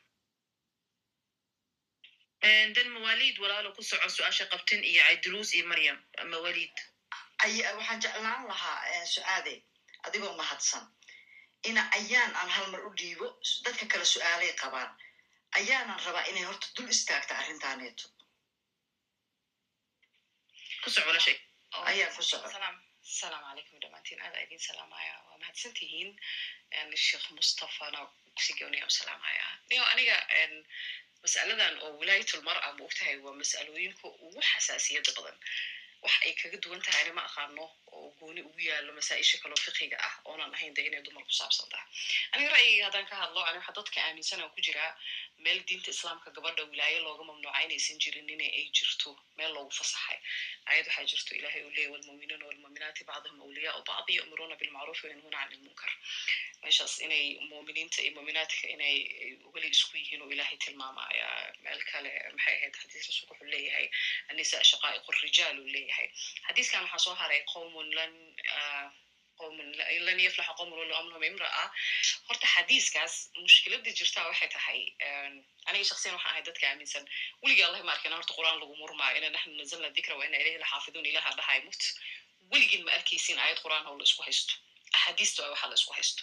xadiiskan wuxuu ku jiraa xadiisyada ugu muranka badan uu ku jiraa qolo waa fogaato waxay dhaheen horta xadiiska waxaa soo sheegay rubci qarni kabacdi aa la sheegay markuu rasuulka dhintay kabacdi uu saxaabiga sheegaya soo xasuustay markii caaisha dagaalamaysay uu soo xasuustay qaswatuljamal wuxuu leeyahay ilahay wuxuu igu badbaadiyey inaan rasuulka ka maqlay asoo dhahaayo markii loo soo sheegay kisra gabadh inuu dhinto gabadhiisii ay dhaxashay lan yaflaxa qowman wallo amrahum imra'a marka naftirkeed su'aal waxay gelinayaan waay xadiiskan loo soo xasuustay markii caaisha dagaal gelaysay waxay waxay durayaan oo waxay leeyihiin xadiiskan caaisha lagu joojinayo caaisha lagu duraayo kuwo kale waxay leeyihiin okay xadiiska even hadduu sax yahay xataa wuxuu ka hadlaya nubuwa rasuulka wuxuu saadaalinayay calayh salaatu salaam waxaa la yidhahdaa kisra maadaama boqor uu ahaa uu dhintay asaga haddii wiilal dhaxla la waayey oo gabaryo ay dhaxashay normally wiilasha waxay sii wadaan moogtahay magaca aabaha meeshaas wuxuu saadaalinaya qoomkii boqortooyada meeshaas ahayd nasabkooda inuu intaas ku ekaaday len gabadhu ilmo kale dhashaa magacooda bilaabanaa moogtahay wijis waxa dhacaa la yidhaahdaa qolo kale meel kaleba la aadaayo waxay dhahaan waxay la mid tahay markuu rasuulka leeyahi oo kale rifqan bilqawaariir oo kale ee la mid tahay. Yani waxyaabuu tusaaleynayay nafyiga meesha kuma jirna la dhahaa so ani waxaan aaminsanahay meel lagu mamnuucay diinta islaamka ma jirto laakiin waxyaabaha oo isweydiinta badan oo isweydiinta mudan oo aniga isweydiinaya sita isweydiinayso oo sucaad isweydiinayso waxaa jiro xuduud uu ilaahay u baneeyo qur'aanka ku baneeyey sida tusaale kale xuduuda xadda sirq oo kale xadka oo gacan goyska oo kale aayada cadcada ku soo degay dastuurkeena soomaaliya qof hadduu waxado maanta gacan in laga jaro ma qabo wadaadadeena kama hadlaan xaqaas ma dalbadaan oo ma dhahaan xuduuddii ilaahay aaway dowladdii soomaaliya oo ma tiraahdo xaddi zinoo kale ma doontaan oo kama hadlaan xaddi dhaxalkoo kale kama doontaan oo kama hadlaan ayadan xataa ay soo qaadanayaan arjaalu qowman cala nisa bima fadala allahu bacdihim cala bacd wa bima anfaqu min amwaalihim oo gabadhii nafaqadeeda ahayd gabdhahan soomaaliyeed oo maalin kasta dayacan oo ilmaha lagu dayacayo looga tegaayo oo nafaqa aan la siinaynin wadaad intuu ordo dhahayo war dastuurka ha lagu daro arki maysid waay markii laga hadlaayo arrin gabdhood markay timaado oo weliba xukunkeeda uusan thaabit ahayn oo khilaaf uu ku jiro? By the wayna khilaafku muxuu yiri nabiga alai salatu salaam khilaafu ummati raxma inay ummadayda iskhilaafto ay kala duwanaato raxmo waayuu dhahay mogtahay mas'aladaas yaroo khilaafiga ah intay ordaan mas'uuliyaddan la saaraayo ay uga dhigayaan in maxaa la yidhahdaa cirki soo dumay oo dhulka soo dumay. Annaga haddaan gabdho soomaaliyeed leenahay horta hal tafsiiray noo leedahay. Halka tafsiiray noo leedahay waxaa la yidhaahdaa inay nimankaani weliba muslimiinta iyo firqooyinkooda isku mid maahane firqo gooni ahoo soomaaliya soddonkii sana la soo dhaafay iska haysata. Oo waxaa jirta aaminsan ayagu inay yihiin allahuma baarik alfirqa naajiya inay ayaga yihiin aaminsanaa jirta oo sidoodaba ka qaniimaysta gabdhaha soomaaliyeed u diida mansib iyo magac u diida sharaf iyo karaamo u diida xuquuqdooda meel kasto hadday noqoto xadiis iyo hadday noqoto aayad sidii ul yaroo shaabuuga gabdhaha u sita aniga waxaan leeyahay sheekh mustafe sheekh mustafaha koraan ka wadaya homartida noo ahaa sharaf iyo karaamaa leedahay xaqa ka hadashay waa noo hiilisay aniga waxaan ku jiraa gabdhaha u cuqdadaysan wadaadada soomaalida dowladda soomaaliyeed aqoon-yahanada soomaaliyeed because waxay nagu fiirsadeen qolo gabdhaha dhiigooda iyo dadnimadooda banaysata ee nagu daawadeen aniga gabra muslimada ahay nebigeyga waxaa la yidhahdaa maxamed bin cabdillah hadalkaas dhegeysta maxamed bin cabdilwahaab lama yidhahdo farqiga udhexeeya qolooyinka u maleeya maxamed bin cabdilwahaab in anaga ku qasbannahay oo saddex boqol oo sano ka hor asaga tafaasiir iyo mafhuum cusub la yimaaday waa diidnay islaamku waa ballaaran yahay waxyaaba waxaa jiro kore oo islaamku uu ka midaysan yahoona shaki gelinin. Ilahay iyo qur'aankiisaa ka mid ah sunnadii nebigaa ka mid ah laakiin tafaasiirta iyo ta'wiilka iyo waxyaabahan idinka aa samaysateen wixii khalad ah waa nalaga qabanaya. Macsuumiin ma aha culummada aaminsan tihiin macsuumiin ma ahan. Haddii aad aad maxamed bin cabdilwahaab uu adiga kula saxsan yahay aniga binisbali wuxuu ilahaa sheekh wuxuu saxana wuu saxay ilahay khayr ha ka siiyo. Wixii uu khaldana wuu khalday waana mahadsantihin intaas arbeyna iraado aada maanta socdada ku dhiwaada la socda marka dadka say isugu xigeen mawaalid walaalka ku socaya cayduruus iyo maryam mawaalid su'aashan maxaa walaalka soo dhawow waa idin baryaana su'aal ha ahaato ha assalaamu calaykum anigu su'aal aan qabay horta sheekh wax ka jawaabay mustafa cali marka had su'aal ma qabo wuxun baan doonay ina sheego waxaan comment yar experience. Gabadh muslim ah madax ka tahay oon la soo shaqeeyey sida ay u maamushay marka aan barbar dhiga siday u maamulayeen nimankii kale waktiga iyaguna xabsada lamidka aasa joogay oo kale. Marka ani waxun baan aaminsanahay waktigan adagee welibana aan ku jirno inay dumarka yihiin more capable oo markay noqoto shaqada ay yihiin haddana more honest ay yihiin magaranaysa more serious oo markay timaado issuega laga hadlayo inay si deep ah u eegaan waana less corrupt waana intan uga bahanay waddankeena. Marka sheekhow anigoo marka hore dee tashiishigaga jiray oo aan baaritaan samayn arkay aayadaha iyo qur'aanka waxaan jeeda axaadiista in lagu kala qaybsan yahay inay noqon karto head of the state haddana sheekh mustafa si fiican buu u dhigay in wadano badan oo dad badan oo muslimiina ku nool yihiinna way ka yihiin marka anigu intaas ma ku soo gabagabeynaya oo maadsantiin hoos baan tegaya jazaka allah khayr walaalkay mawalid cayduruus ku soco su'aashaad maxaa walaalkay asalaamu calaykum salaatu wabarakatu mali maqlayo horta si wanaagsan waa ku maqlayna walaalka okay barak allahu fikum jazakum allahu khair sheekh mustafa cali iyo sheekh mustafa aadan iyo lul iyo ditore sucaada dhammaantiin waxaa idin leeyahay assalaamu calaykum waraxmatullahi wabarakatu bacda taxiya bacda taxiya maanta dhan waa idin dhegeysanayay waa qaylinayay laakiin ma noqon ilahay hadduu iqadaray subxaana wa tacaala waxa aan watay su'aal maaha waa dardaaran yar oo guud oo nafteedan aan kula dardaarmayo naftiinan aan kula dardaarmayo. Ko culummada waxaan rabaa mid inaan iraahdo sheekh mustafa iyo sheekh mustafa cali iyo sheekh mustafa aadan mid baan leeyahay. Dumarkana mid baan leeyahay. Dhammaanteen nafteennana nafteenna oo dhanna mid baan leeyahay. Culummada mid baan leeyahay oo midda aan leeyahay waxay tahay waa iyadii la yiri fain tanazactum fi shayin faraddu ila allahi warasuulu haddii waxaad isku qabsataan masale khilaafiya ay dhacdo tan hadda aan ka hadlaysaan ama aan doodeeda aan dhegeysanayno waa masale khilaafiya ah. Anoo idiin soo gaabinayo waxaan jeclaan lahaa in kitaabka loo noqdo iyo sunnadii rasuulka sala allahu aleyh wasalam inkastoo aan aayad qur'aana laysku qaban doonin laysku qaban doono sunnada iyo iyo tafaashiishii laga bixiyey axaadiista laysku qaban doono. Dumarka mid baan leeyahay. Dumarka waxaan leeyahay dumarow ragga idima necba. Tixgelin iyo sharaf iyo karaamo ay idiin hayaan markaan teyda aan ka soo qaado waxaa wanaagsan dumarka sida aan haddeer gabdho badan oo cilmiga maadigana bartay cilmiga islaamkana bartay oo aan arkayo ayaguna waxaa loo baahan yahay maadiga iyo maaragtay cilmigan kale diiniga labadaba inaad barataan. Markii aad barataan doodaha rasmiga inaad ka qayb gashaan taas baan idin odhan lahaa midda aan idinku soo celinayo waxay tahay naftiidana aan kula dardaarmayo tiida tiinan aan kula dardaarmayo bil ramadaan lagu jirayaa aa lagu jiraa walaalayaal waktiyada dambaa lagu jiraa insha allahu tacaala adinkoo wanaag raadinayo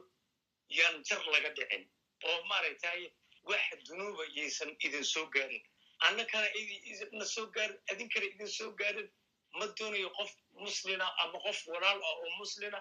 in ay maaragtay in yar oo dunuub ah loo qoro gabdhahana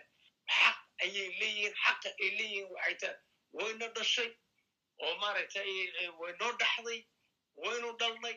xaquuq badan bay leedahay waan ogsoonnaa soomaalida waxay tirahdaa dheriga maxaa karka ka keeno kulayl baa ka keena dumarka maanta soomaaliyeed meel walba ka qaylinayo midiya wada taagan dhibaata keentay dhibaatada keentay maxay tahay? Waa run raggii soomaaliyeed way daayaceen markii ay daayaceen siyaasadii dalkay daayaceen mustaqbalkii dalkay daayaceen way jirtaa sidaas la'alligeedna yani ay u soo galeen. Marka insha allahu tacaala iyadoo xaq aad u leedihiin waxaan idin oran lahaa yaanan qadka laga bixin oo dunuub yaa la saabsan xagga rabbi yaan dunuub laga gelin. Assalaamu calaykum waraxmatullahi wabarakatu jazaaka alla khar cidruusa noo dakaraysa ilaahana thabatee kulligeena runtaa bisha habana jooga ilahana cafi nagda noqdo ee maryam ku soo dhowo walaashay asalaamu calaykum walaalayaal waan isalaam dhammaantiin rabbi shaxri sadri anigu waxaan doonaya commenty dhan ka dhigo mawduucu baa isoo jiitay aniga waa mahadsantahay inaa isoo aqbasheen siyaasadda iyo diinta iyo dumarka aniga fikradaan dhiibaya insha allah bacdeen kheer allah subxana watacaala dee horta xuduud bu noo sameeyey anaguna bani aadam xuduud bu sameeyey laakiin marka dadka somalida degeystay inta badan waxay dheeranayaan siyaasaddii baa saasa raggii baa saasa raggii baa saasa aniga shaksi ahaan haddaan talo naftida siinayo ama hablahayga siina talo waxaan ku oranayaa dad horta ha eegin waan ognahay wax badanna xun tahay ina qaldan tahay waan ognahay waxaanu sababta dumarku doonaya siyaasadda ugaana waa sababtaas laakiin waxaan dee dumarka ina weydiiyo maxaad kaga duwan tahay ninka soomaaliga ayada su'aasha weydiya dumarka soomaaliyeed yani bulshada sideedaba waa bulsho isku dhex yaacsan bulshadu waa rag iyo dumar harmony iyo insijaam inay isla shaqeeyaan waayeen taasna ma jirto yani iminka dumarka dumarku haddii siyaasad tabcaana oo corruption ka buuxdo oo xaaraan la arkayo maanta o dhan su'aasha isweydiin marta dembiga inaad u gashid lan waxaad noqonaysaa shaytaan akhras taasi waa mid talabaadna waxaan doonaya waxaad arkaysaan inay sexual harassment badan iyo dhib badan jirto aana xataa xaq aanad qaadan karin marka siyaasadda gashid ya taasna waa mid talabaadna waxaa jirta yani sharci laguma dhaqmayo waddankeena bani aadan ahaana laguma dhaqmayo yani wax badan baa isku dhex yaacsan fa anigu waan u diidaya inan walaashaya soomaaliyada inay dhex gasho dhanka oo qurub ka buuxo xadiis baa jira oo la yidhaahay shuruud baa jirta marka dumarku shaqaynayaan waxaa ka midana ragga aad ha u dhexgelina siyaasadda waa rag diintaaba taa diidayba ma garateen waxa la dhahay wa xadiis baa jire wa axsinuhuna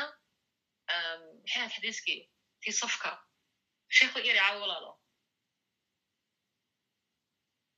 mala maqlaya sheekh mustafa caleh mala maqlaya sheekh mustafa caleh yani ikhtilaafkaad ka hadlaysa miya mawaya tii xadiis ha ishe walaalo maryam waxaa uga jeedaa hun waqarna fi buyuticun xadiid kale. Khayru sufuufi nisaa'i khayru khayru nisaa'i eh, awaluha ah, yani waxa weeyaan ragga ha dhex gelina waayeen horta xadiis waadixa waayeen. Siyaasaddan doonaysaan ah, shukran jaziilan. Shukran. Yani maxaa lahaa mashooba rag yani lagu diiday inaad gashadba taas horta waa mid talabaad waxaan ka hadlay dhinaca nafsiga ka hadlayaa anigan kuwanahay inaan soo shaqaysay oo garnay shaqasay tahay wallahi waa dhib ilaahayna imuu talagelin inaan maanta o dhan karaf iyo shaqo iyo kadax iyo de soo wareego dibadda magaalo soo wareego ka soo qaad balimkan magaalada ku soo wareegaya dhexdeeda dhakhtarkan tegaya dabeetna jimkii baan tegaya gurigan soo noqonaya anigoo daalan ka soo qaad adigoo arrimihii dowlad hadaya oo rag jooga oo ku dhibaya oo aana ku dhegaysanayn oo ku xejinaya guriga markaad tagtid gurigaaga tagtid carruurtaada u tagtid kelmad kama qudu qaadan kartid laga yaabo inuu ninkaagu kaa tago oo ku furo wallahi waxaa jira rag dumara rag idhaahay naag baan guursaday waan kala tagnay bisko siyaasaddii ku jirtaa faani waxaan doonaya bas inaad maskaxdiina in yar dhaqaajiyo oona afakirtaan oo ay diintu ficlan ay anaka wax noo haboon oo anaka wax no anfacaya dumar ahaan fitradeena unfawiyadda feminine side and feminine energy and feminine wisdom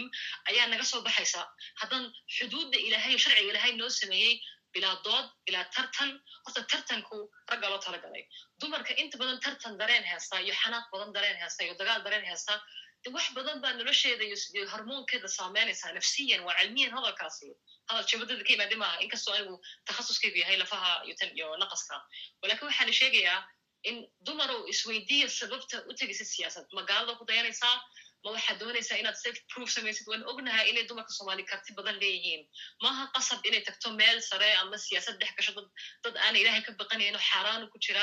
adiga kuma fiicna. Walaa tazir wasiiratun wasira ukhra. Hadday siyaasadda xun tahay de ilaahay ba ayaga cadaaladda siinaya. Maasha allah soomaaliduna waa wadan muslima. Meel kasta waxaa taalla masaajid anunka hargeysan jooga weligii ma arkin siday u nool yihiin wallahi ilahay wax ka badbaaday meel kasta every corner waa masjid baa yaalla siyaasadduna waa very bad qofna ma odhanayo inaani inaani baad ahayn waan ognahay odayaal baa iska heesta maryam maryam maryam ada hadal ku wata inaan kaa dhex gala ma rabe laakiin waxba isku qaldaysan howno xadiiskaad sheegtay hadda haddaan dib ugu noqday xadiiskaas wuxuu ka hadlayaa waktigii dumarka iyo raggu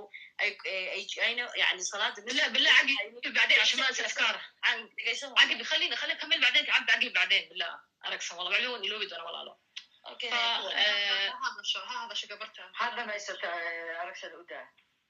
fawaxa jira walaalo xataa maalin waxaad ka hadlayseen xataa diinta umu salamaad ka hadlayseen iyo balqiis umu salama radiallahu canha moxamed sal slam ba guriga ugu yimaadey horta iyadoo may dhex gelin wax lalo siyaasin ma garatay gurigu dhex imaaday ninkeedii baa u imaaday isagoo xanaaqsan sal allahu aleyh wasalam waxay ku tirahday maa bika ya rasuul allah maxaa kugu dhacay waxaad rahaada hadalkayga way maqli waayeen deetna waxan kuri okay turiidu dalik aduu maa doontid hadalkaaga maqlaan si kuri ha hadalkaaga maqlaan haye bax u tag oo adigu soo samee waxaad adigu ka doonsa inaad samaysid adigoona la hadlin iyadu dibad may u bixino may odhan maxaa dhahaa ya macshara quraysh kaale maxaa maqli weydeen nabigeen sal slam may odhan waa xaas waa nin mutazawaja oo xaaskiisi ka qaatay consultation istishaarad buu ka qaatay ra'yi buu ka qaatay yani taas aslan diintu waaba xoogay saartayba ina laakiin dhaqankeenu waa dhaqan waalan taas horta waa mid thats why dadkeenu waxa aanan isfahmayn diintiis dhex fantay shuyuukhda si fiican aanay u sharaxi kareen shuyuukhda iyo shacabka isma dhex geli karaan yani isku fikir maaha qof kasta meel buu eeg eegaya thats why ay muxaadaradan oo kale ay timaaday siyaasadda iyo diinta iyo dumarka taas horta waa mid aan sheegayo tii nafsiga waan sheegay tii balqiis baa hadhay balqiis markii joogtay maxaa la dhahaa ay noqotay melikad joogtay allah sala maxamed waxaa joogtay kaafirad bay had muxuu ku dhahay sulayman cala salamka hududkii u sheegay wuxuu ku dhahay anlaa tacluu calay waatunii muslimiin haygu kibrin haygu dheeraanin somaali ku fasiray anuga deetana ika adiga muslimada markii muslim noqotay may noqon melikad waxay noqotay caadi sulayman calayh salaam ba waddanka haystay oo maamulayay fa wax la yidhaaho dumarow yani saasgal waa fikir waxa weeyaan fikir gharbiya ajenday haystaan dadku in yar dad mutacalimiina tihiin yani in yar qalbigiina u fura dumarnimadiina iyo fitraddu ilahayna siiyey leanna waxyaabahaasi waxay tirtiraysaa wax la yidhaaho bani aadnimadii dumarka anaku dumar baan ahnay hawsheen iyo prioritygeena waxa weeyaan ina aan guriga fadhiisano laakiin haddaad weli single tahay haya walaalo haye haddaan guriga haddaan joogo maxaa la yidhahaa dibadda de waxa weeyaan naftada u shaqeynaya laakiin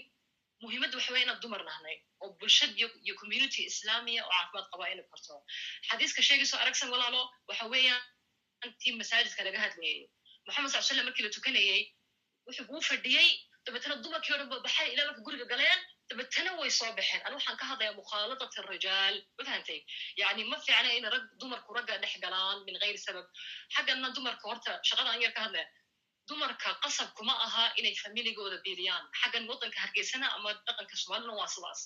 Thats why ay dumarkiinu maantona diinta uga xoog dugudbayaan aanay wax maqlayn lean waxaa lagu abuuray hablihii soomaaliyeed. Kac shaqeen kac shaqeen kac shaqeen. Lean raggoodii baa baabaayda ma garatay ma inamadoodii bay dayaceen. Xaggay xoog bay nimada saar lahayn ilan dumarkan waxaa soo koriya dumar. Rag may soo korine. That's why ay dumarka muxaadaradana ku furan oo mahadsantiina aragsan luul ku jawaaba wax yar ii sug horta hal midaan rabaa inaan iraado kadibna ayaanaan rabaa inaan u dhiibo haddii alla idmo aragsan intaan la gaarin midda aan raba inaan daa fikirka miriam waa fikirka maanta dumar badan oo waxtar leh oo waddanka meesha u yaar ka soo saari lahaa fikirkaaga dhan maaha laakiin qayb fikirkaaga ka mid ah qaybta ah dembi miyaad ku gelaysaa rag wada waalana meeshan jooge qaybta ah qaybtaas dumar badan bay ka haysaa oo ka jooga banaanka siyaasadda oo waddanka wax u qaban lahaa oo ummadda wax u qaban lahaa oo le meeshan waa lagu baaba'ay. Haddaan dhex tagan anaa ku baaba'ay intaan baabi'i lahaa noloshiidan iska wadanaya iyo cibaadadayda kaleeto. Ma fahantay laakiin anigu waxaan qabaa inay ka soo baxaan mustambeedka inay banaanka soo dhacaan sababtoo ah ummadaaneeto mas'uuliyad baa naga saaran. Rag iyo dumar saa u dhannaa in laga bixiyo dhibaatada ay ku jirtani waa waajibna saaran haddii aad leedahay adigu maaragtay waajibkaaseeto ima saaran oo aniga dadku ha baaba'ana waa fiirsanaa taasi waa howl kale. Ayaan soo dhowo waa mahadsantahay carawelo. Adaaba ka jawaabayba moogtahay inaan isku tuurtuurna meelama samaynayso. Maryana waa ku ixtiraamayna fiirkeeda. Waxaan rabaa in laga sii socdo aragsan iyo gabdhaha because isku tuurtuuray noqonay dad badanaana meesha jooga aada umahadsantahay mes aragsan kadibna axmedan siinaya oo garaacoy okay waa mahadsantihiin habalood anigu waxaan u qaadacay oo hadalka u diiday in la sii wado because marka xadiid aad fasiraysid waxaa fiican waxani waa xadiid min nabi sal slam inaad sida saxda noogu fasirtid amba sababtuu u socday inaad noo sharaxdid maha inaad xadiid kasta iskasoo qabsado oon ku geliyo iska dhex geliyo anoona ogeyn micnuhu ahaa fisirku ku socday sababtaas ay u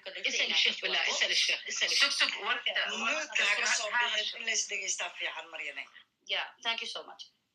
Ii qabo habalul two minutes. Sababta aan u lahaa xadiisku wuxuu ka hadlayaa waktigii cahdigii nabiga alai salam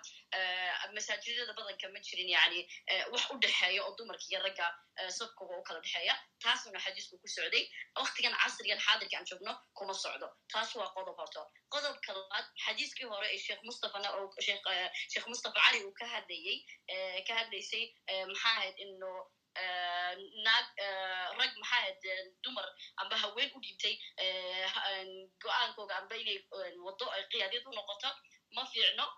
taasina waxaa laga hadlayey fuqahaagu laba dhinac bay u qaybsameen. Qola waxay idhaaheen casrigii hore haddaa laga hadlo khilaafadaa looga jeeday iyo dagaalka ay dumarku loo diidayo ina jasadiyan iyo jirkeyga una karin inay dagaal gasho iyo imaamadaa laga hadlayay. Lakiin casrigan aan maanta joogno inay fuqahaaga amba shuyuukhda ka gudbay siduu sheekh mustafa cali sheegayay qaramaawi oo kale waxaa keenaysaa casrigaa lala socda waxa adduunka jira hadda. Qur'aanku wasay ayaan sheegtay waa wax thaabita isma bedelo. Laakiin axaadiiska iyo tafaasiirta iyo fiqiga waa ijtihaadaad. Ay shuyuukhda iyo culamaagu ay ku kala ijtihaadaan ay ku kala fikri dugan yihiin. Taasaan rabay inaan ku biirsado. Waa maasida habadhul halku socda aadaa umahadsanta axmed soo dhawow kadibna sahre qoranaa kugu xigi doonto axmed xirse waa mahadsantiin dhammaan waan salaamayaa sheekh mustafa cali iyo walaalkay mustafa aadam. Mustafa in badan baan ku goosgoosanay club house oo ku salaamayaa sigaar waxaan rabay laba su'aalood inaan sheekh mustafa cali weydiiyo wax yarna aan ku darsada arrinkan hadda in ka yar one minute baan insha allah ku wada samaynaya horta waxaan ku bilaabayaa mudaahaladayda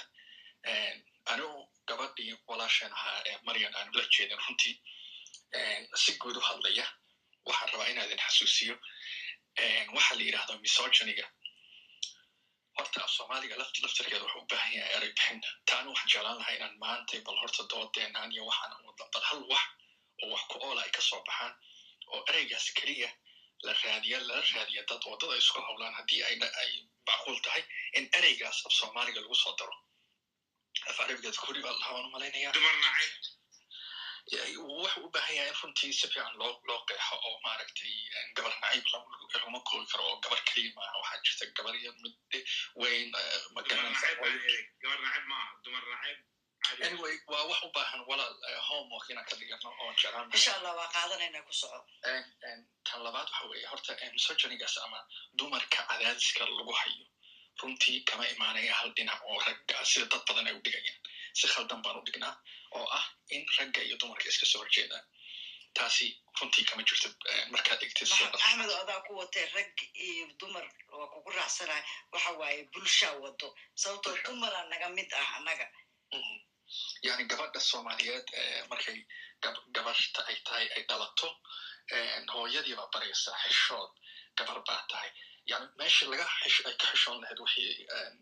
foolxumada ahaa beenta ama waxaas ayaa waxaa la leeyahay wiilasha dhexgelin xishood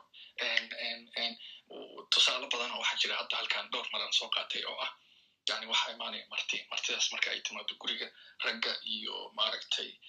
waxay fariisanayaan fadhiga gabdhihii xitaa martida ahaa iyo kuwii guriga loo martiyey jikaday isku buusayaan hambadii iyo wixii iyo fahmaysa oo ma soo fariisanayaan sidooda yani sida ragga oo kaleeto looguma talagelayo sida ragga hilibka meesha macaan cadka macaan marka dhaqankeenay ku jirtaa waxaan waxyaabo badan oo marka waxaa jira saasa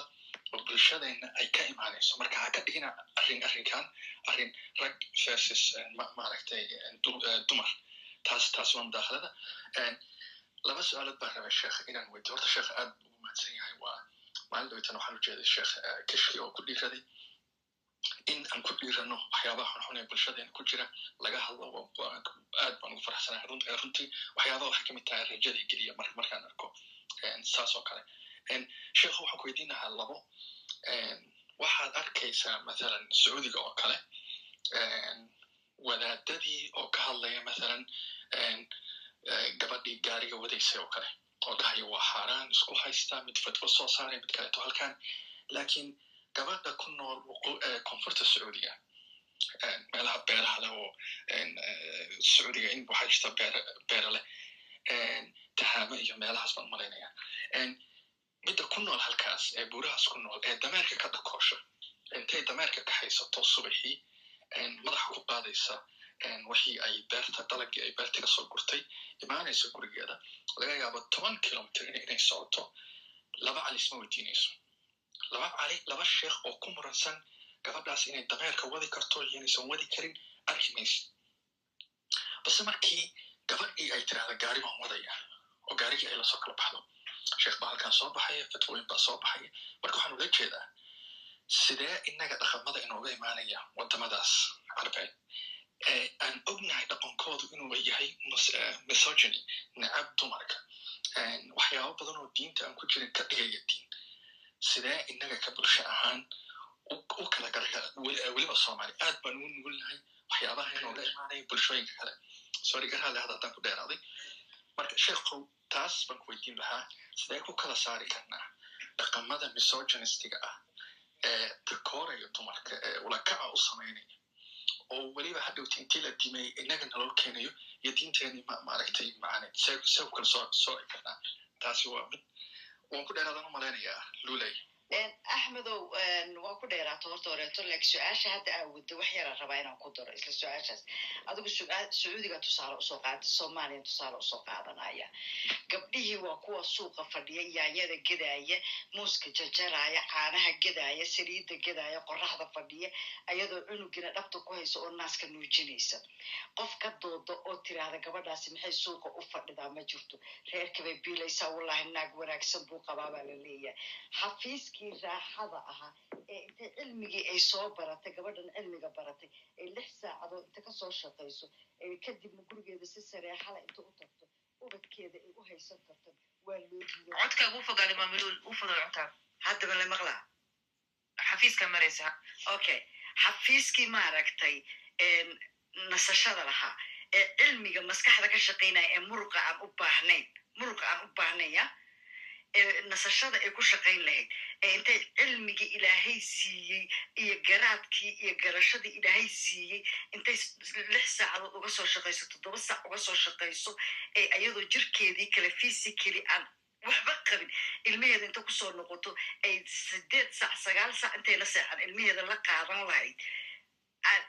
dood laga qabaa oo laleeyaha waay ay u doonanaysaa waay ay u aadaysaa? Tii laba iyo tobanka saac qoraxda fadhida cunuga nuujisanaysana waxaa laleeyaha walle naag raguu qabaa ninkaasi. Marka taasaan ku daraayaa sacuudiga meeshaad ka aada soomaaliya gudaheedii taalla sheekh mustafa calina waa uga baxay. Intu intuu sheekh mustafa gelandule adoo iga raali hal su'aal oo keetaan rabay? Haa su'aashaada kale ku daraalle aha. Taasaan rabageliya inaan sii bayaaniyo. Oon ka qaado sacuudiga oon geeyo soomaaliya wallahi waa maaragtay tusaale aad aad aad u fiican tusaaleyaal badan baana jira boqolaal ah. Gabdhihii maalintii dhaweyta ordayay hargeysa ee maaragtay wadaadku ku soo booday oo sidee u ordi kartaa u dhahayay laakiin gabadha kale ordaysa suuqeedaas aad sheegaysid ka hadli maayo iskuna daalin maayo. Marka taasi mid hayno ahaato sheekho waxaan jeclaan lahaa inaan iga hadlahona adaa ku dheeraaday horta sheekh mustafa ma maqlaysaa? Sheekh mustafa ma joogtaa sheekh mustafa cali waa sawirkiisa waxaan u jeedaa inuu istag yahay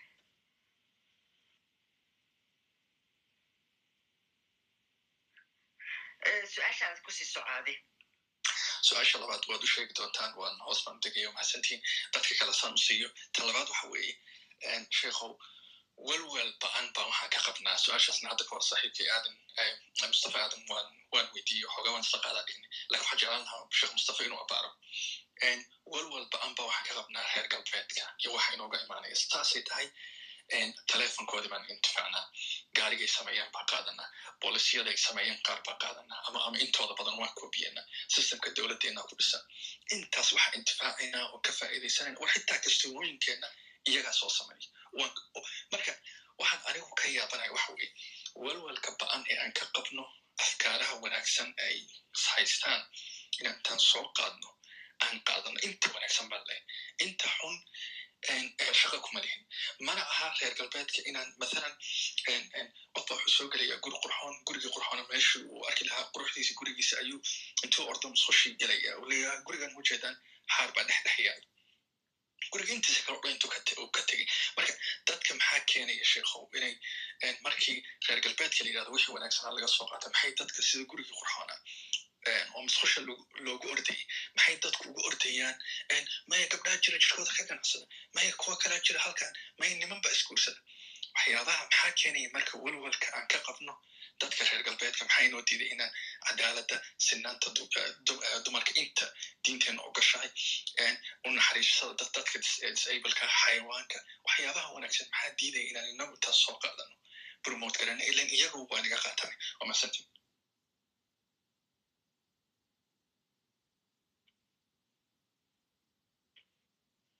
waa masantin ha walaalkay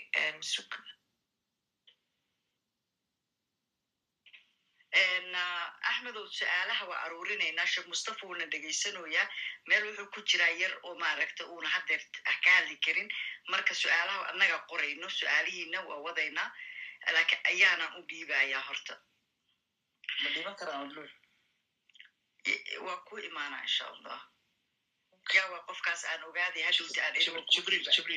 okay jibriil haddaa xasuusatid sahre qoranaa kaa horreysay waa idin imaanaa jibriil cabdalle cabdi laak sahre qoranaa idinka horreysa insha allah ayaan ku soo dhowo abay sahre sii meelan ku jiraan xataa okay sahre qorana ku soco dhammaan dadka meeshan ku jira horta waa salaama andhur waa mahadsan tahay inaa kor isoo saartay fursaddaana ah isiisay aniga hal su'aalo toosaan raba sheekha inaan weydiiyo. Cudurdaaraana ka sii baxsanaya. Haddii hore looga sii jawaabay. Aayadda dheheyso alrijaalu qawaamuuna cala annisaa. Fasiro badan aa la saaraa. Sheikha waxaa raba inaan weydiiya haddii aniga oo zahro ah mathalan aan reerkii biilaayo oo soo shaqeynayo oo guriga infaaqiisi wixii dhan aniga aan bixinayo qawaamadii ninka weli miyay sii jiraysaa fasir waxaa jira sheegayo rijaalka dhan in laga wado min araajil yani assaaci yani qofkii shaqeynayo o soconayo haddii fasirkaas uu sax yahay qawaamuuna cala nisaa idan kaleeto maxaa lagu fasiri karaa? Haddii rijaalka min araajil lagu fasira intaasaan raba inaan sheekha weydiyo waana mahadsantihiin aada umahadsantaha jibriil ku soo soco su'aalaha waa qoraynaa cabdullahi ka hore jibriil cabdullahi sucaaday sii hag waxyar ha cabdullahi walaal ku soo dhowow iyo qaasim iyo camar sheekh mustafa gacanta garaacaya sheekh mustafa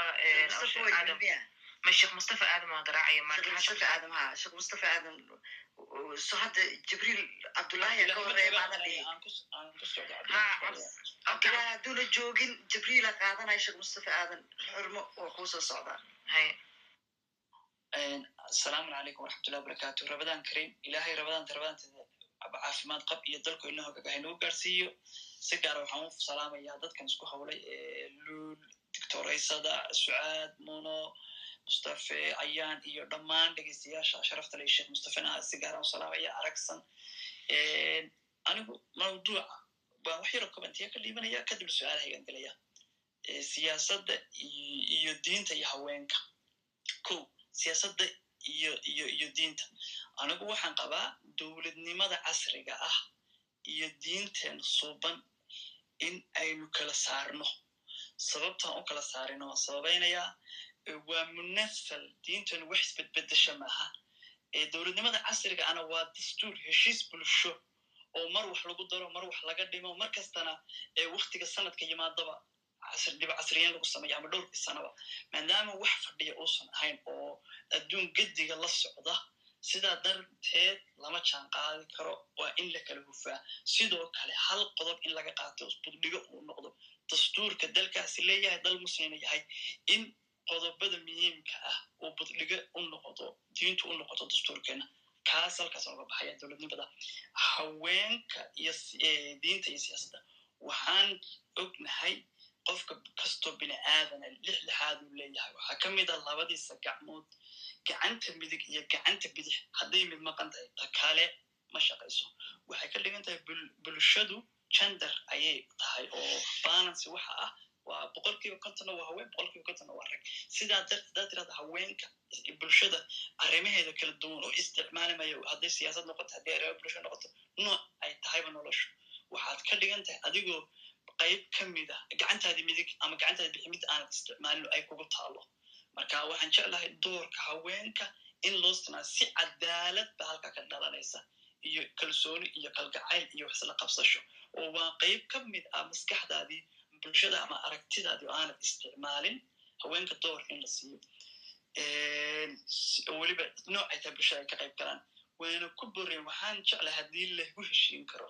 haweenka soomaaliyeed dallad u gaara oo aan ahayn mid dana gaara ka turjumaysa haween weyne soomaaliya ka turjumaysa oo sanduuq leh oo boorin leh oo meel hal adaf leh in la dhiso. Oo taana waa ku borinaya gabdhaha soomaaliyeed iyo hooyooyinka qaaliga ah waxaan u gudbayaa su'aalahayga. Sida culimada culimo kasta culimo diimeed baa jirta culimo saynisaa jirta culimo kasta waxay leedahay cilmi baadhis mushkilad markaa taagan inay waxa sababay iyo meeshay ka socoto ay baadhaan ay leedahay. Culimada soomaaliyeed wax badan way dadaalaan laakiin laba jibaar door ayaan ka rabnaa. Waxaad og tihiin kow dalkeenna hadda waxa ka jira wax aana adduunka ka jirin dalkeenna waagu berisamaad ahaana ka jir jirin waxaad arkaysaa konton haweena boqol haweena oo meel laysugu keenayo oo sidii baabuur carwash leebaajo biyo lagu qabanayo uu leeyahay jinahaya maxaa jinkan soomaaliya u gaar yeelay maxaase haweenkeeni sharafta lah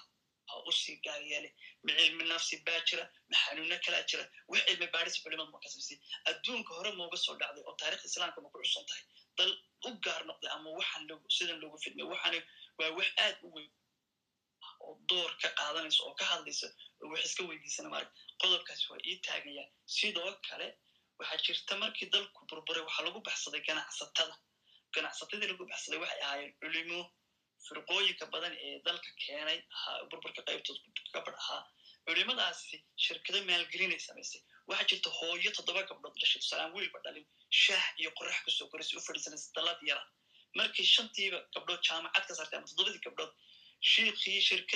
shirkadihii haystay wuxuu ku yiri nooma ogola inaan gabadh shaqaalaysiino. Sidee doorkii gabdhaha loo siin karaa? Gabadhaa soo dadaashay oo maada iyo diinka dhisan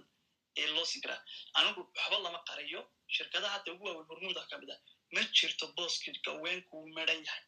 Labadaa qodob maxaa loo takooraa gabdhaha soomaaliyeed. Caqligooda looga faa'iidaysan waaya waxaynu ognahay gabdhuhu inay ragga ka wanaagsan yihiin maaliyadda markay noqoto khasnajiga finansiga musuq maasuqa way ka yaryihiin eexda qabyaaladda waxa way kablayin waxaynu ognahay inaysan gabadhu qabiil lahayn. Geyiga soomaaliyeed ay gabadh soomaaliyeed ka tahay. Halka ninku hayb noqonayo oo qaadhaan laga rabo qabiil oo shir shifi laga rabo gabadhaas lagama rabo. Aada u mahadsantii shukran jazaka allah khair walaalkay jibriil. Aragsan ku soo dhowo sheekha mustafa arabaka